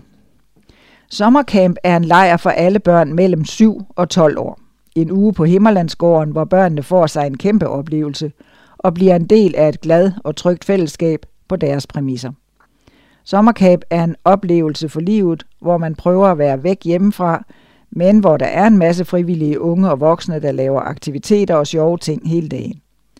Som barn på sommercamp kommer man til at opleve flaghejsning, morgenmøde, sang og musik, fællespligter, kræerværksted, forhindringsbaner, fri leg, holdbyggende aktiviteter, terræntur, rundboldkampe, skets, underholdning, lejrebål, hold, hygge, godnathistorier, aftenandagter og en masse myggestik og nye venner. En hel uge væk hjemmefra kræver meget af et barn, men det er også udviklende og giver gode minder og færdigheder. Derfor skal I overveje, om jeres barn kan indgå på lige vilkår med de andre, inden I tilmelder det. Eller tage en samtale med lejerchefen Dorte Dyrgod Svendsen, hvis der er noget, I er i tvivl om. Sommercamp er en enestående mulighed for lederne til at knytte bånd med børnene og give plads og rum til samtaler og aktiviteter, som der ikke altid er anledning til derhjemme. At få lov at være præst på sådan en lejr har givet mig muligheder for gode relationer og dybe åndelige samtaler med børn, som I kun kan drømme jer til, hvor givende de er. Har du selv som ung eller voksen lyst til en uge med så meget livgiv, livsglæde og energi, som kun børn kan give, så overvej om du vil give dig selv og børnene en oplevelse og erfaring, som nemt kan blive din sommers højdepunkt. Vi glæder os til at se mange skønne børn i uge 26. Tilmelding og mere info på sabus.dk. Og ja, sommercamp hed før børnelejr, men vi opgraderer lige navnet for coolhedens skyld. Så er vi nået til seniorsiderne, her side 32. Guds kærlighed er livsomvæltende, og det er Walter Hartmann, der har skrevet om det. Jeg er for tiden ved at læse Bibelen 2020 igen. Forleden stødte jeg på Efeserbrevet 3, 18-19, hvor der hedder Jeg beder om, at I sammen med alle andre kristne må blive i stand til at forstå omfanget af alt det, Gud har skabt, hvor bredt og hvor langt, hvor højt og hvor dybt det er. Jeg beder om, at I må få indsigt i, at Kristus' kærlighed langt overstiger det, vi kan forstå, så I bliver fyldt med alt det, Gud rummer. Så kan jeg bedre forstå, at det tager lang tid at lære kærlighed bare helt almindelig menneskelig kærlighed, og hvor vanskeligt det er at lære at praktisere den. Forestil dig så Guds kærlighed. Det er forfatteren Anne-Katrine Ribnitski, der konkluderer, at Guds kærlighed er stor og livsomvæltende. Jeg er i færd med at erfare Guds kærlighed som sådan en slags opskalering af den kærlighed, jeg hidtil har erfaret. En bevidsthed om at og erfaring af Guds kærlighed medfører stor tryghed, lattermildhed, fravær af frygt, fravær af frygt for fremtiden, fravær af bekymring. Det er ret forunderligt. Den samme overbevisning oplevede jeg forleden, da jeg sad i kirken og lyttede med i børnenes hjørne. Sjældent har jeg hørt Guds kærlighed beskrevet bedre, end da børnene brød ud i sang. Guds kærlighed er rundt om mig. Den er høj og dyb og bred. Og hvor jeg vender og drejer mig, står jeg midt i Guds kærlighed. Den er over, under, foran, bag og han elsker mig hver eneste dag. Det fik mig til at tænke på, at Guds kærlighed minder ret meget om tåge. Den er hele vejen rundt om mig, lige meget hvordan jeg så vender og drejer mig i den, men modsat den tåge, vi kan finde i vores landskab en gang imellem, så forsvinder Guds kærlighed ikke. Når Bibelen skal beskrive, hvad kærlighed er, gør den det på følgende måde. Kærligheden er tålmodig, kærligheden er mild, den misunder ikke, kærligheden praler ikke, bilder sig ikke noget ind, den gør intet usømmeligt, søger ikke sit eget, hisser sig ikke op, bærer ikke næ. 1. Korinther 13, 4 og 5. Hylder dit liv dine medmennesker i toge, eller viser den, hvad Guds kærlighed har gjort i og med dig. Hjerte ved hjerte, det er en bøn. Himmelske Far, du som er fyldt til bristepunktet af en fuldstændig fortabt kærlighed til dit skaberværk, du gav afkald på magt, stå ved det og glem alt om guddommelig ære, vrede, hævn, når du ser os stjæle livet fra hinanden. Træk os ud af vores selvoptagethed, så vi kan stå skulder ved skulder, hjerte ved hjerte og sjæl ved sjæl. Og så har vi noget mere senior sider her, et tulipanparadis. Og det er Johan Christensen, der har skrevet om det. Mandag den 18. april, altså anden påskedag, steg 12 glade og rejselystne adventist seniorer på Nilles turbus med kurs mod Holland. Vi slog os sammen med 21 lige så glade seniorer fra rundt i landet, og målet var blomsterparker i Holland. Vores rejseleder Ove, en gæv jyde fra Vejle, fik os hurtigt rystet sammen, og fra begyndelsen sørgede han omhyggeligt for, at alle vidste, hvad programmet bestod af, og at ingen blev glemt nogen steder. Vores endestation var Markelo, hvor vi blev indkvarteret på et dejligt hotel i engelsk landstil med stråtag og Chesterfield-møbler. Turen varede fem dage med tre meget interessante heldagsture. Første dag gik til Orkidéhøven. Der er et oplevelsescenter på 25.000 kvadratmeter med et væld af tropiske planter, eksotiske fugle og dyr og hundredvis af smukke orkideer. Derfra tog vi på sejltur gennem kanalerne i den smukke, hyggelige by Giethorn, også kaldt hollandsk Venedig. Og turen afsluttedes med pandekagebuffet på en restaurant i italiensk stil. På anden dagen så vi Amsterdam både fra bus og båd. Vejret var vidunderligt, og med nyudsprungne træer og blomster langs, langs kanalerne var det en fryd for øjet. Tredje dag blev højdepunktet. Først besøgte vi den historiske by Delft med den store gotiske kirke, Neuve og Prinsenhof klosteret fra 1400-tallet, og så kom vi til Keukenhof, verdens største tulipanblomsterpark, med 7 millioner blomsterløg udsprunget i et farveflor og blomsterpragt uden lige. Med lysegrønne træer og græsplæner, søer og springvand og de smukt arrangerede blomsterbede, var man hensat til et paradis, hvor tiden gerne måtte stå stille. Et uforglemmeligt sted. På vej tilbage til Markello kørte vi igennem Stabshorst og Roven, to specielle byer, hvis indbyggere er strengt ortodoxe kalvinister, hvilket præger byens maleriske gårde og indbyggernes klædedragt. Hjemme på hotel Herikaberg blev vi hver dag trakteret med den bedste servering. Maden var af høj kvalitet og serveret i fineste gourmetstil. På hjemrejsen stansede vi ved grænsebutikkerne, og i Røde Kro ventede der en stor frokostbuffet.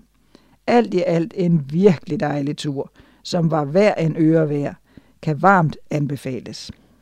Der er også meget fine billeder. Meget lækre billeder. Vi har ikke glemt, men på grund af en tidlig deadline til dette nummer af Adventnyt, må du vente til næste gang med at høre om Seniorforeningens generalforsamling, Skandinavisk seniorstævne på Severin, spændende fremtidsplaner. Seniorforeningen har brug for din støtte. Bliv en del af et aktivt fællesskab. Og vi har mere fra Seniorforeningen. Manden, der plantede spiren til Sabus, var dansk-amerikaner. Det er Svend Hagen Jensen og Walter Hartmann, der har skrevet om det. Om 100 år er alting glemt? Spørgsmålstegn.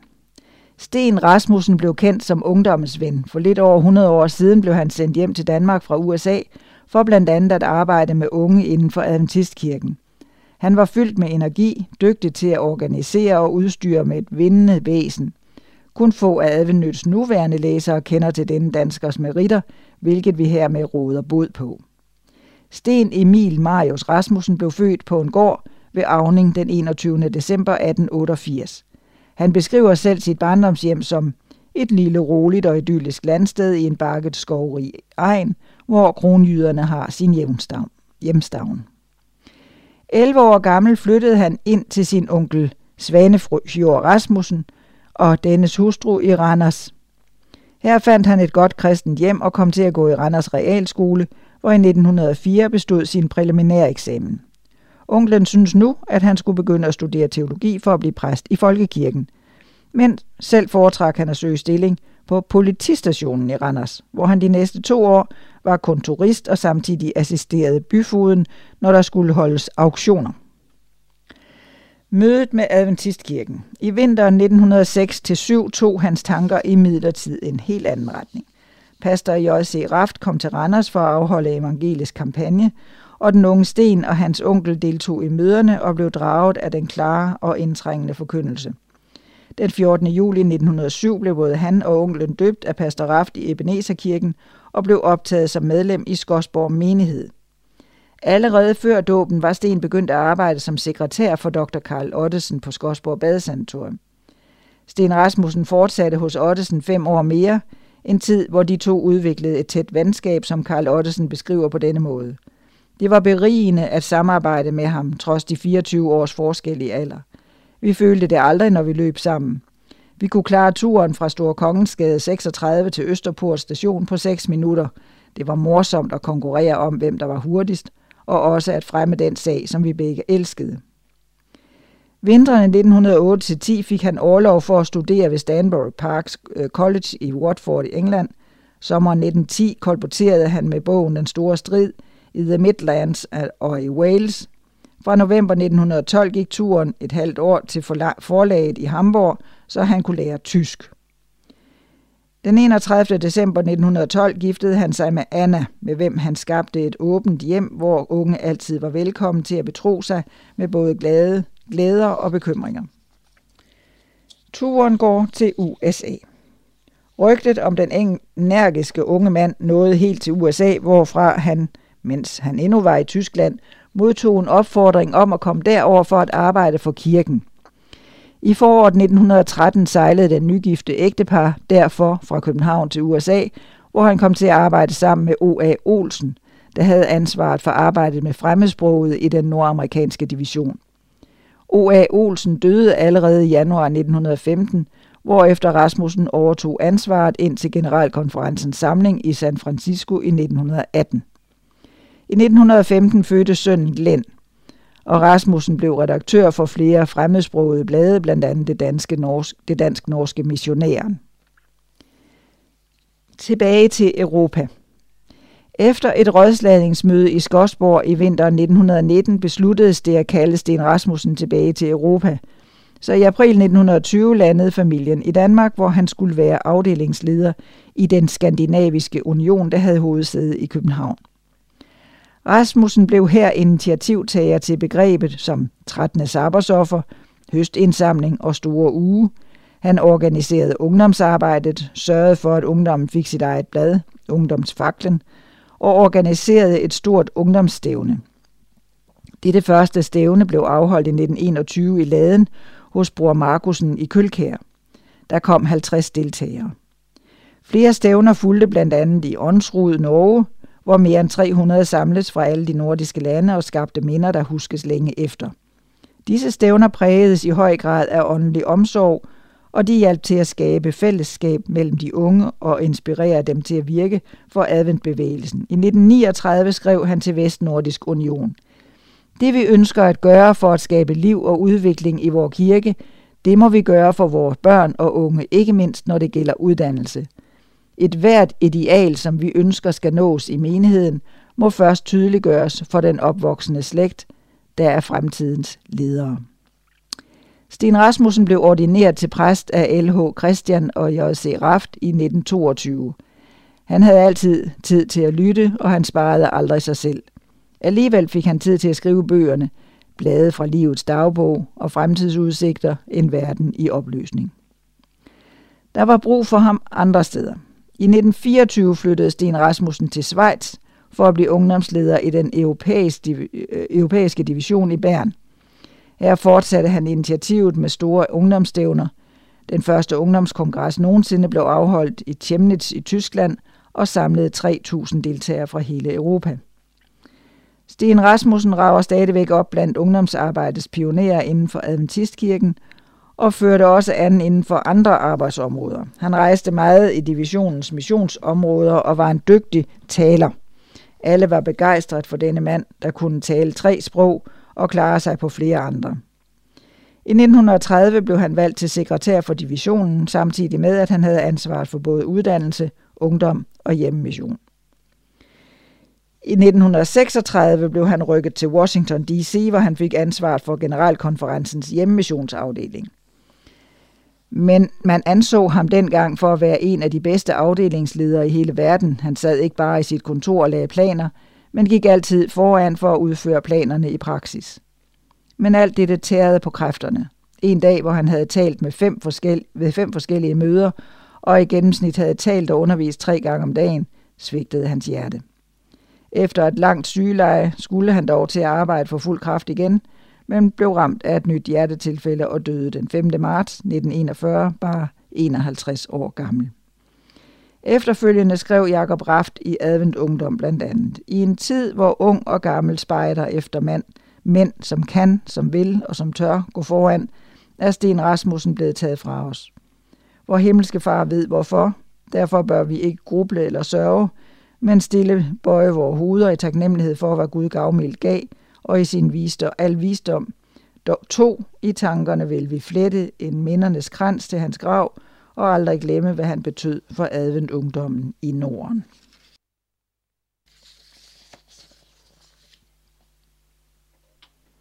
Side 36, det er om webkirke. Fællesskab. Her kan jeg være mig selv. Webkirke et inkluderende fællesskab. Det er skrevet af Jan Gunnar Vold, som er præst for menighederne i Faxe Næstved Nakskov og Nykøbing Falster, og han er desuden leder af webkirke.dk. At se webkirke har for mange været en kærkommen anledning til at få en kirkefølelse online. Der er dog intet, der kan skabe det levende fællesskab, som det er at samles fysisk. Men mindre kan også være et alternativ for mange i en vanskelig situation. Webkirke er kommet for at blive, og det stopper ikke, selvom covid skulle forsvinde.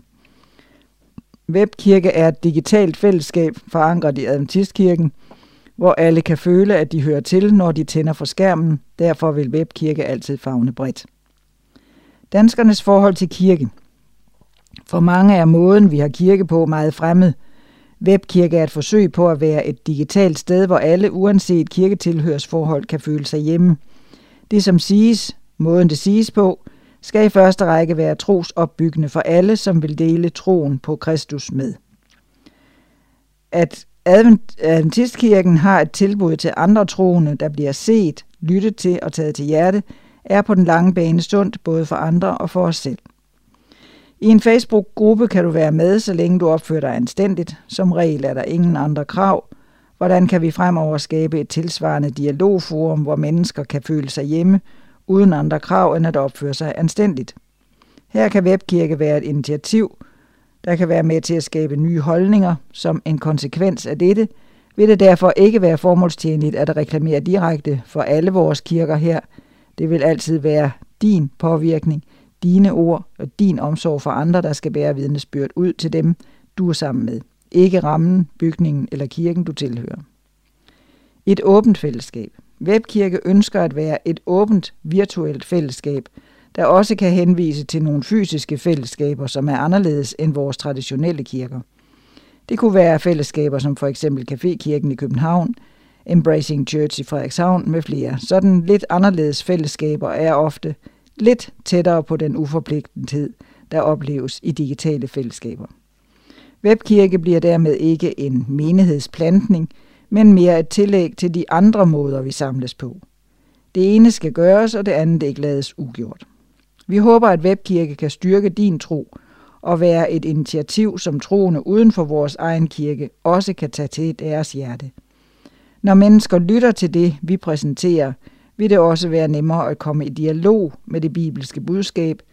Vi har altid brug for flere personer til at hjælpe til, så husk at skrive til os på kontaktsnabelagwebkirke.dk, hvis du har synspunkter eller noget, du gerne vil bidrage med – Tak for din støtte og forbøn i dette vigtige arbejde. Og så er vi kommet til side 37, og her er nogle dejlige billeder af nogle familier, som har fået deres børn velsignet. Og her er først Daniel Donshu Siu, født den 18. i 6. 21, blev barnevelsignet i Horsens menighed den 9. april 2022, vi ønsker forældrene Michael og Nadja og broren David Guds velsignelse. Vi er enormt glade for at have jeres familie som en del af vores menighed, Eduardo Folster. Og så har vi nogle svære, ord, svære navne her. Diamersi Giranesu blev velsignet i Viborg menighed sabbaten den 2. april 2022. Mor Nyramugisha fødte Diamesi lige før årsskiftet, 14 dage efter sin ankomst til Danmark. Og far Amiel vil tilslutte sig sin lille familie, når hans papirer som flygtning fra Kongo også er blevet godkendt. Diamasi betyder tak til Gud, og vi takker Herren for en ny lille dreng i vores skønne flok af børn i menigheden. Må Herren hjælpe forældre og menighed i at drage omsorg og videregive troen på Jesus. Svend Hagen Jensen. Og så er der Liva. Sabbaten den 26. marts havde Herning Menighed den glæde at kunne velsigne Liva, datter af Sara og Mats Gille. Vi ønsker hele Livas familie Guds rige velsignelse, Allan Falk. Og så er der Osvald og Gorm. Sabbaten den 16. april havde vi i Vejlefjord Menighed den glæde at have barnevelsignelse for både Osvald og Gorm Bistrup. Vi glæder os over disse to børn, som beriger både familien og menigheden. Vi bad om Guds velsignelse over børnene og om styrke og visdom til forældrene til at opdrage dem i Guds kærlighed og hver dag lære dem mere om alle de mægtige ting, Gud har gjort for os. Må Gud altid føles nær. Anne Maj Møller. Og så har vi, men alle dem, der tog imod ham, gav han ret til at blive Guds børn, så der er et par dåb her. Først er der Bettina, og det er Thomas Rasmussen, der har skrevet det. Det var en skøn sabbat i Aarhus Adventistkirke, da Bettina Sandfeldt Bo sagde ja til at følge sin frelser i dåben. Bettina har været trofast i sin deltagelse, siden hun gik gennem kirkens dør for første gang. Det har også været nogle gode bibelstudier, og det glæder vi os til at fortsætte med. Vi byder hende velkommen i menigheden, Thomas Rasmussen. Og så har vi Thierry. På en solrig forårssabbat den 16. april 2022 blev Thierry Necesa døbt og optaget i vores internationale menighed i Viborg. Den højtidlige begivenhed blev overværet af familie og venner og velsignet med skønne sangindslag på Kinyarwanda og Kirundi og engelsk foruden de danske fællessange. På billedet ses Thierry sammen med sin mor og Engelis som gennem de sidste mange uger har studeret Bibelen enestående sandheder med ham. Vi ønsker Guds velsignelse i vandringen med frelseren fremover Svend Hagen Jensen. Og så har vi et krondiamantbryllup. Connie og Hardy Ovesen tilhørte oprindelig nær menighed, men flyttede fra Gammel Holte i 1979. Hardy var i sin ungdom meget aktiv i spejderarbejdet. Han var patruljefører, blandt andet rejsekoordinator, når spejderne skulle på de store årsture. Han var murmester i mange år og uddannede sig senere som sygehjælper, ligesom Connie, som også var sygehjælper. Connie arbejdede blandt andet på Aftenhvile og Skorsborg Badesanatorium. I 1979 flyttede de til Silkeborg Kommune, hvor de begge arbejdede i flere år. Herefter gik turen til Frederikshavn, hvor Connie er født og opvokset. De er i dag tilbage i Silkeborg Kommune og bor i Kjellerup, omgivet af venner, børn, børnebørn og oldebørn. Allan Falk. Der er et fint billede af guldbrudeparet. Og så har vi nogle runde fødselsdage. I, øh, i juli måned er der først her, det er juli. Vi må have haft juni før, så. Øh, Jakob Amdi Vesterlund i Faxe bliver 85 den 16. i 7. Holger Friis Jensen i Fredericia bliver 80 den 1. i 7. Ketty Dalsgaard Poulsen Haderslev 80 den 2. i 7. Birgit Fredsgaard i Ålsgårde 80 den 16. i 7. og Sonja Bækstrøm i Ry 80 den 27. i 7. Og så har vi Birgitte Merete Mortensen Rødvig Stævns 75 den 4. i 7. Flemming Lundqvist Birk Hedensted 75 den 10. i 7. Alice Bæk Hvidovre 75 den 12. i 7. Alma Nielsen Købing 70 år 7. 4. i 7. Sulami Mahama Mein Hvidovre 70 år den 18. i 7. Tove Andersen i Søndersø 70 år den 26. i 7. Så har vi i august måned Iris Jans i Bjæverskov bliver 90 år den 6. i 8. Per Albertsen Humlebæk 90 år den 9. i 8. Randi Øjer Seltenheim Tikøb 85 år den 10. i 8. Anne-Lise Nielsen i Faxe 85 den 16. i 8. Birte Drasbæk i København 85 den 24. i 8. Turid Majbom Faxe 80 år den 11. i 8. Per Mathias Christiansen i Hørning 80 år den 20. i 8. Henny Jebsen Øster Assels 75 år den 7. i 8. Ove Eivind Borg Hansen Roskilde 75 år den 14. i 8. Angela Marinesco i Holstebro 75 den 16. i 8. Johnny Herman Larsen Ringsted 70 år den 9. i 8. Esther Bull Danielsen Storby 70 år den 30. i 8. Og så har vi en annonce her. Er du vores nye kollega? Det er fra Ringsted Privatskole. Vi søger en lærer på fuld tid fra 1. august 2022. Ringsted Privatskole har ca. 120 elever fordelt på 0. til 9. klasse og 9 lærere. Vi tilbyder vores elever en undervisning, der bygger på en kristen grundholdning med vægt på høj faglig kvalitet, men ser det også som en fornem opgave at være med til at udvikle positive og videbegærlige mennesker med livsmod og respekt for livet. Vi forventer, at du brænder for at arbejde på en lille kristen friskole og har lyst til at arbejde med udfordringer. At du er åben og engageret, at du er fleksibel, at du kan identificere dig med skolens værdigrundlag. Vi vil gerne ansætte en person, der har interesse i at undervise vores klasser hovedsageligt på mellemtrinnet. Føler du, at dette ikke er din spidskompetence, skal det dog ikke afholde dig fra at søge stillingen. Ligeledes er der også mulighed for at starte senere end 1. august, hvis der er brug for det. Vi glæder os til at modtage din ansøgning senest den 20. juni 2022. Ansættelsen sker ifølge overensstemmelse mellem Finansministeriet og LC. Yderligere oplysninger kan fås ved henvendelse til skolens leder Glenn Sandbæk 57 61 01 16 og skrives til Ringsted Privatskole ATT Glenn Sandbæk, Vibevej 13 4100 Ringsted. Der er også en e-mailadresse glenn ringsted privatskole.dk Side 40, det er øh, dødsfald Personen skal lyde, og de døde skal opstå. Og vi har en Margit Lork. Øh, mandag den 25. oktober blev vores kære mors sidste vågne aften, og vi afsluttede dagen sammen med hjemmelavet æblekage i lejligheden i Søllerød Park. Mor sov fredfyldt ind onsdag morgen den 27. oktober 21. Mor blev født 6. oktober 1931 og voksede øh, op i et trygt hjem sammen med sin storebror Jørgen, og det var her mors passion for klaverspil blev grundlagt. Helt fra barns ben var troen på Gud en naturlig del af mors identitet, og sammen med musikken blev den kristne tro en ledetråd gennem hele livet. Efter gymnasiet fulgte farmaceutuddannelsen, hvor mor mødte Leif, der blandt andet skilte sig ud med sin tro. Forhold til Leif gjorde, at mor begyndte at komme i nære med Adventistkirke, der snart blev hendes åndelige hjem. Her fandt hun venner for livet, og her tog hun også Henning med nogle år efter Leifs død. Mor fik cirka 10 år på Løvens kemiske fabrik, men måtte stoppe på grund af allergi.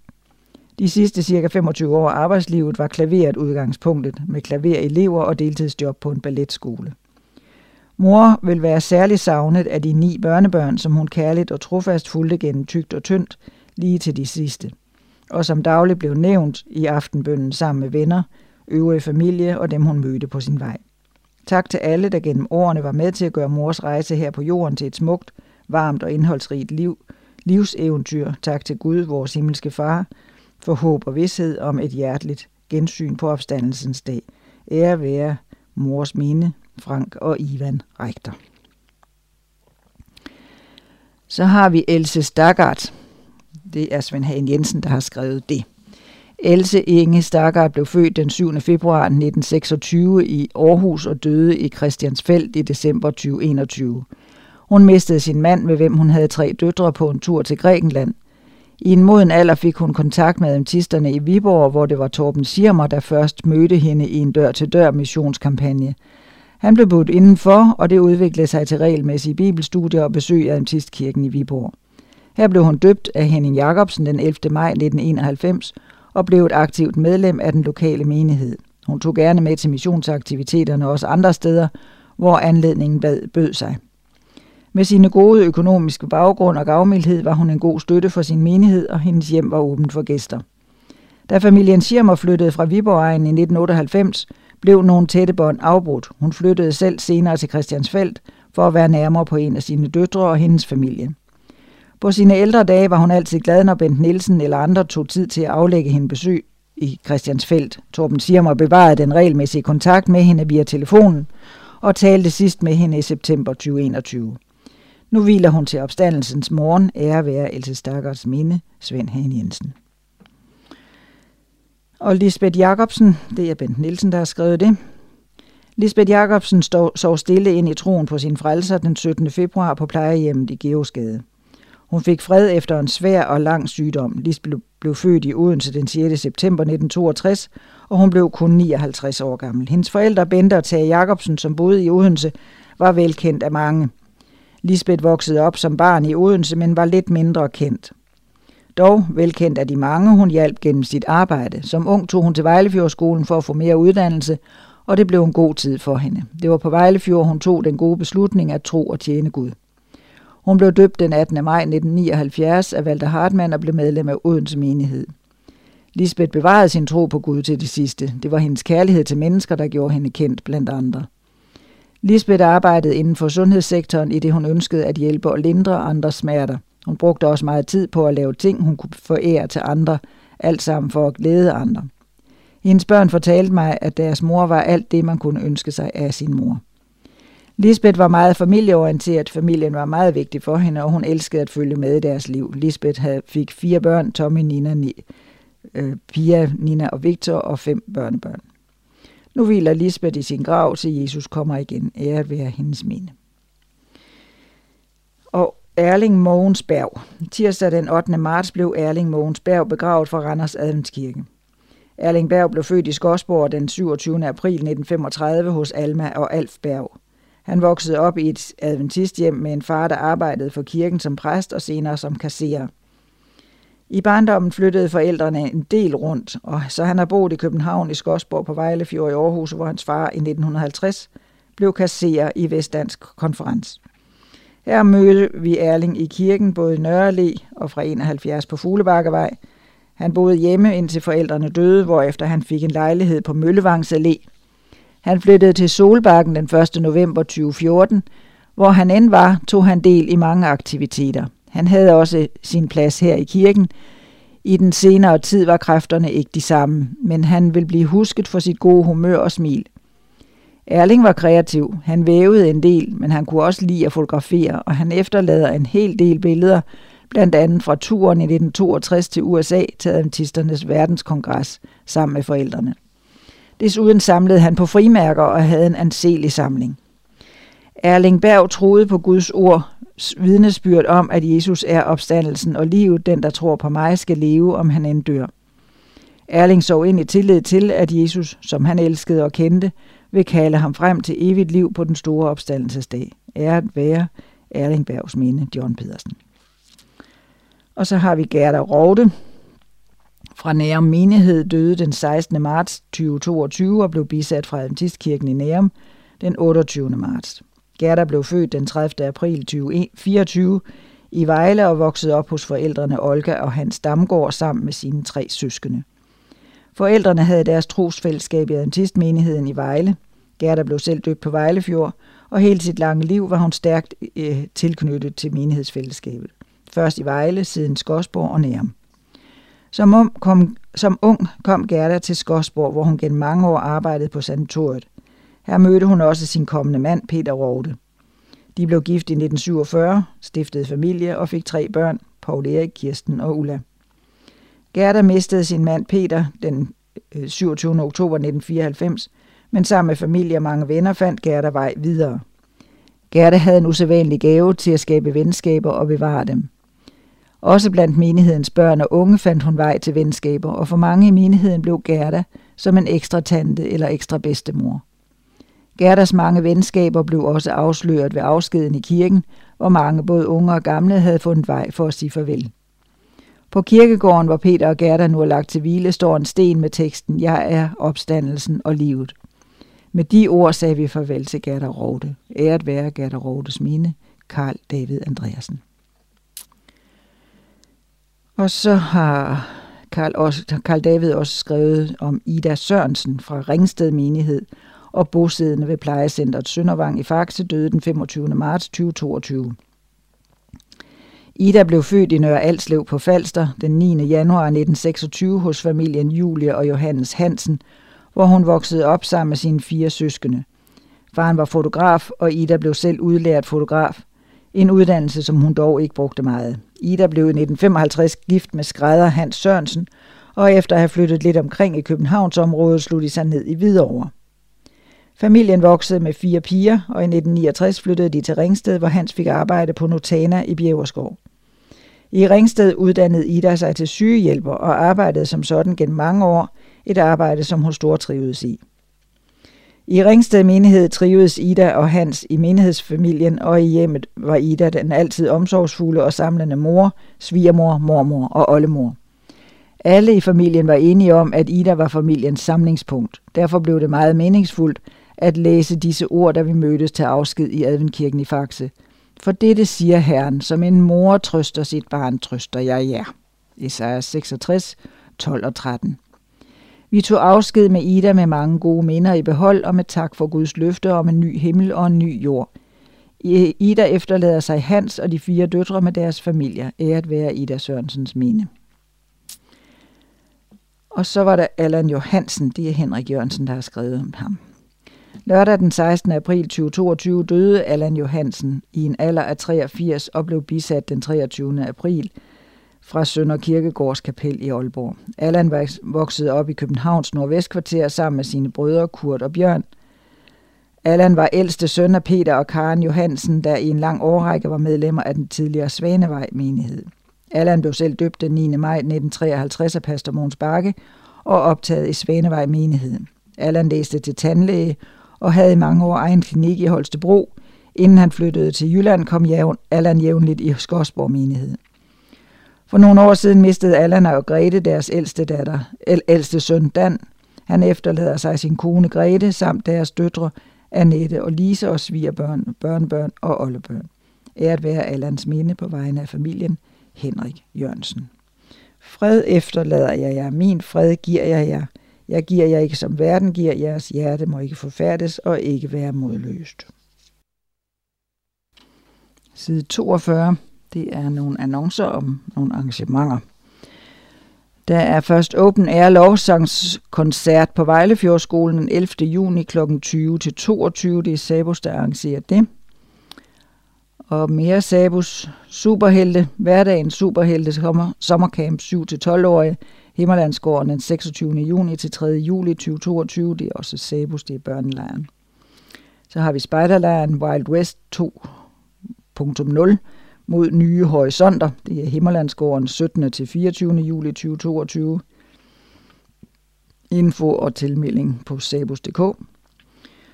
Og så er der øh, Impact i, Vej, øh, i Esbjerg den 8. til 15. juli 2022. Bibelstudie, mission og hygge.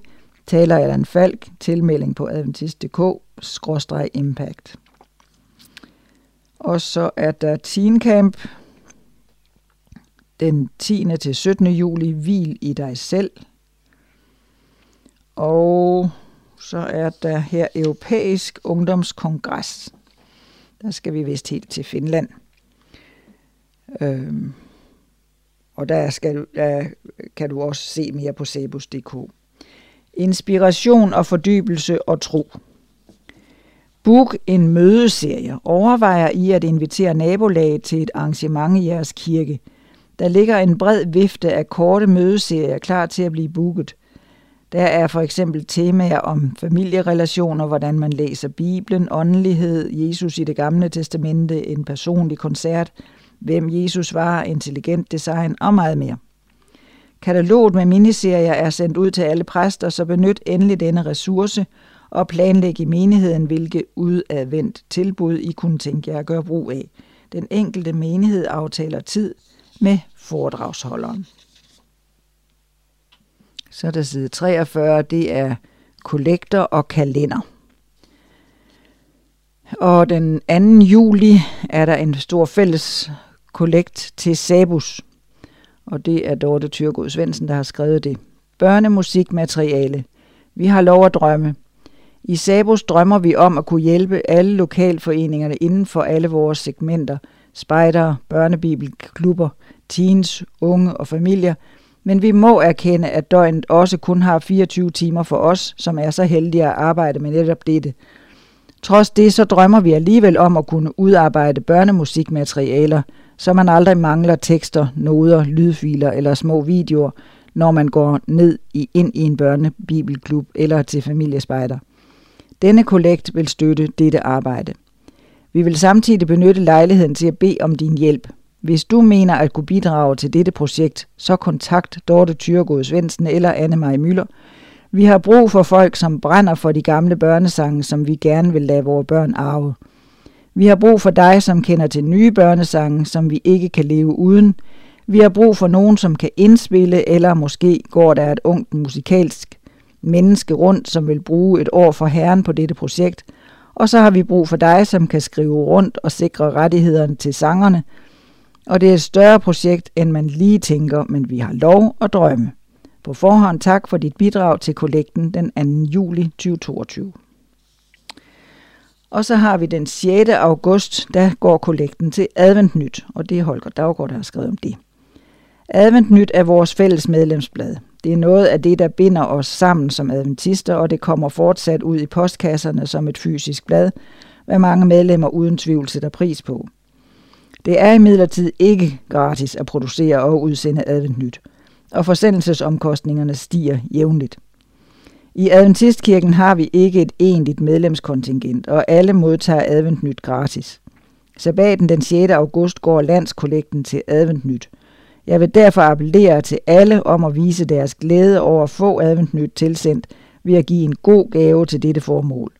Man kan naturligvis også når som helst give en gave til bladets produktion ved at sende et beløb til kirkens hovedkontor mærket Adventnyt. Og så har vi en kalender. Den 11. juni Open Air lovsangskoncerten på Vejlefjord. Den 13. juni deadline for materiale til Adventnyt nummer 4. Den 26. juni til 3. juli sommercamp 7-12-årige på Himmerlandsgården. Den 8. til 15. juli Impact Esbjerg. Den 10. til 17. juli Teen Camp Himmerlandsgården. 17. til 24. juli Spejderlejr Himmerlandsgården. 25. juli Adventnyt nummer 4 udkommer. 26. til 31. juli Seniorstævne Middelfart. Den 2. til 6. august Ungdomskongres i Finland. Den 29. august deadline for materiel til Adventnyt nummer 5. 3. september jubilæumstræf på Vejlefjordskolen. 4. september Unionsbestyrelsen mødes. 30. september til 2. oktober lovsangsweekend i Faxe. 3. oktober Adventnyt nummer 5 udkommer. 7. til 9. oktober Skandinavisk Kommunikationsweekend. 16. til 19. oktober Arbejdsdage på Himmerlandsgården. 19. til 23. oktober Familielejr på Himmerlandsgården. 28. til 30. oktober Sabus ledertræning. Hold dig opdateret på adventist.dk-kalender eller på sabus.dk aktiviteter. Download Familiekirkens kalender 2022 på adventist.dk. Så er vi nået til bagsiden, og den hedder generøsitet. Og det er med, med tekstside. Det er ikke med almindelige bogstaver, det er sådan, som det skal udtales. Hvor tit er det et ord, du bruger? Hvor tit er det en værdi, du udlever? Generøsitet er en af de seks værdier, vi har identificeret i strategien som noget af det, der motiverer os og den kultur, vi gerne ser præge kirkens fællesskab og arbejde i disse år. Synonym, synonymordbogen hjælper os med at fordybe, forstå dybden af ordet storsindet, ædelsindet, rundhåndet, large, uennyttig. Hvordan kommer disse værdier til syne i vores fællesskab? Det handler om, hvordan vi møder mennesker, hvordan vi tager os af dem, hvilke forventninger vi bevidst eller ubevidst kommunikerer til dem. At være generøs over for et andet menneske forbinder jeg med tålmodighed og respekt. Tålmodighed med deres opførsel, tanker og væsen, respekt for deres meninger og holdninger. Men betyder det, at vi ikke længere har noget på hjerte? Det håber jeg da sandelig ikke. Min tro bliver ikke udfordret ved, at jeg tålmodigt anerkender en andens livsrejse og livssyn. Tværtimod er det her, den gensidige respekt opstår og dialogen begynder. Alt for ofte har vi mødt og anset mennesker som projekter, der skal tilpasses vores skabelon og faste rammer. At være generøs er at øsle med godhed. Den måde faderen i lignelsen om den fortabte søn opfører sig på, er et genialt billede på den usammenlignelige generøsitet, som Gud kalder noget. Det er mit ønske, at hans nåde imod dig og mig må fremelske en større generøsitet hos mig og dig. Så er vi nået til Ædra Nyt. Det er Jens Vesterager, der skriver, vi ses snart. Om lidt står vi i Adra klar til at møde vores uundværlige bagland til årsmødet på Himmerlandsgården. Det glæder jeg mig til på en helt særlig måde i år, fordi vi gennem to år har skulle finde os i coronasituationen med begrænsninger på antal forsamlede og forsøg på at forebygge spredning af virus. Det har forhindret os i at møde medlemmer og repræsentanter i de mange forskellige anledninger, vi normalt forsamles i. Vi har afholdt digitale møder og kun set hinandens smil gennem skærmen. I år holder vi Adra Danmarks første generalforsamling som en konsekvens af sidste års vedtægtsændringer. Normalt holder vi et repræsentantskabsmøde, men i år er det generalforsamling, hvor både alle medlemmer af ADRA samt udpegede delegerede fra Adventistkirkens menigheder kan møde op og gøre deres indflydelse gældende. Det glæder vi os alle meget til, ikke kun på grund af de formelle punkter på dagsordenen, men også fordi årsmøde og generalforsamling er et forum for gode samtaler, inputs og idéer fra jer alle sammen. Jeg glæder mig til vi ses. Jens Vesterager. Og du kan blive medlem af ADRA på www.adra.dk-medlem, og som medlem af ADRA Danmark er du med til at give udsatte mennesker i fattige lande et værdigt og bedre liv. Dit medlemskab er med til at sikre vores berettigelse som en stor dansk hjælpeorganisation. Et medlemskab koster 200 kroner årligt, og hvis du er under 18, så er det 100 kroner. Sådan gik online-auktionen Byd med hjertet. Og der er et fint billede af to, som har været var med i det. Den 27. marts tog vi i Adra Danmark et nyt skridt. For første gang i historien tilbød vi i vores støtter, vi vores støtter at deltage i et online auktionsshow, hvor det ikke bare handlede om at give, men også blive muligt at modtage. For inden havde en blandet skare på omkring 17 gavmilde virksomhedsledere, kunstnere, designere og unge mennesker valgt at donere deres produkter og ydelser som effekter til auktionen. Her var alt fra naturkosmetikprodukter til græsfrø og malerier. Faktisk blev vi så beriget med gaver, at vi satte flere af dem på auktion på Facebook i ugen op til showet. Dorte Thyregod, som er en kendt person i Adra Danmarks bagland, Adventistkirken, var vært på showet, der varede i omkring to timer. Alle effekter blev solgt, og særligt var Adra Ungs bidrag populært. De frivillige herfra tilbød sig selv en dag til forfaldende arbejde. Højeste bud nåede op på 2.200 kroner. Resultatet af auktionen på Facebook og indtægterne fra aftenens auktion beløb sig til ca. 20.000 kroner.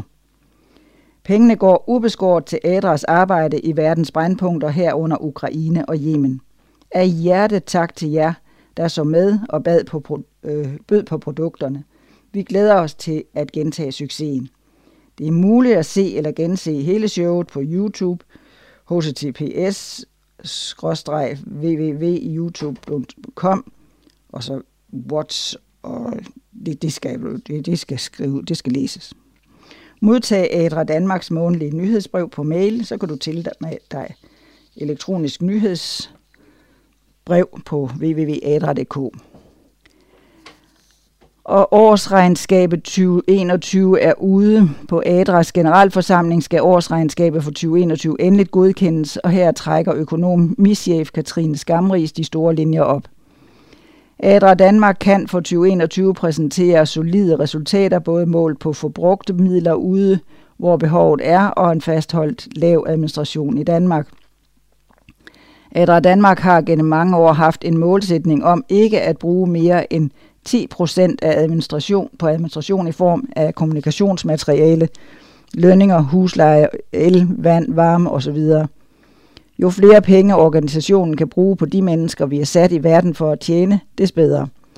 Målsætningen er igen blevet overholdt. I 2021 har vi kun brugt lige under 9 procent på andet end vores projekter.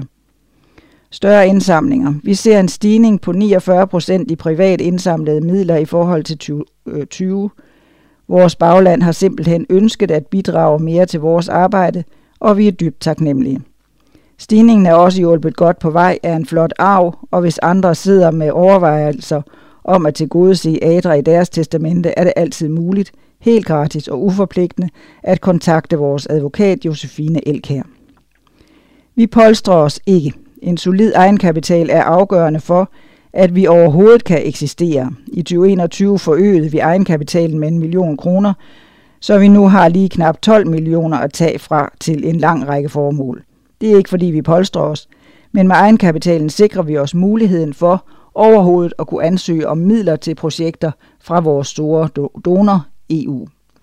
For at få støtte herfra til nødhjælpsindsats, skal vi nemlig selv kunne lægge penge ud på bestemte tidspunkter, mens projekterne kører i for eksempel Sudan og Syrien. Vi vil være bedre. I 2021 lykkedes det ikke at få enkeltbevillinger fra Danida, som vi ellers har været hjulpet af tidligere år. I 2019 og 2020 fik vi ekstra penge fra Udenrigsministeriet til formål i Syrien og Yemen. Penge, som lå ud over, hvad vi havde budgetteret med. Vi vil gerne være skarpere på at ansøge om de ekstra midler, men allerede i indeværende år ser det bedre ud, takket være ekstra bevillingen til vores indsats i Ukraine. Administration, der har vi brugt 4,7 procent, kommunikation og fundraising 2,5 procent, udviklings- og nødhjælpsprojekter 91,4 procent, andet og årets resultat øh, 1,4 procent, indsamlede midler i millioner og så videre. Det kommer op på generalforsamlingen. Flere og flere grøntsager i Tanzania. Jeg har meget mere pondus nu, end jeg havde tidligere. Jeg tør tage ordet, når vi mødes i min landbrugsgruppe. Jeg kan bedre udtrykke mig, og jeg tror på mig selv. Ordene kommer fra den 60-årige Hatuna Rashid Athumani, som gennem de seneste to år har været med i et af Adras landbrugsgrupper lidt uden for byen Morogoro i Tanzania.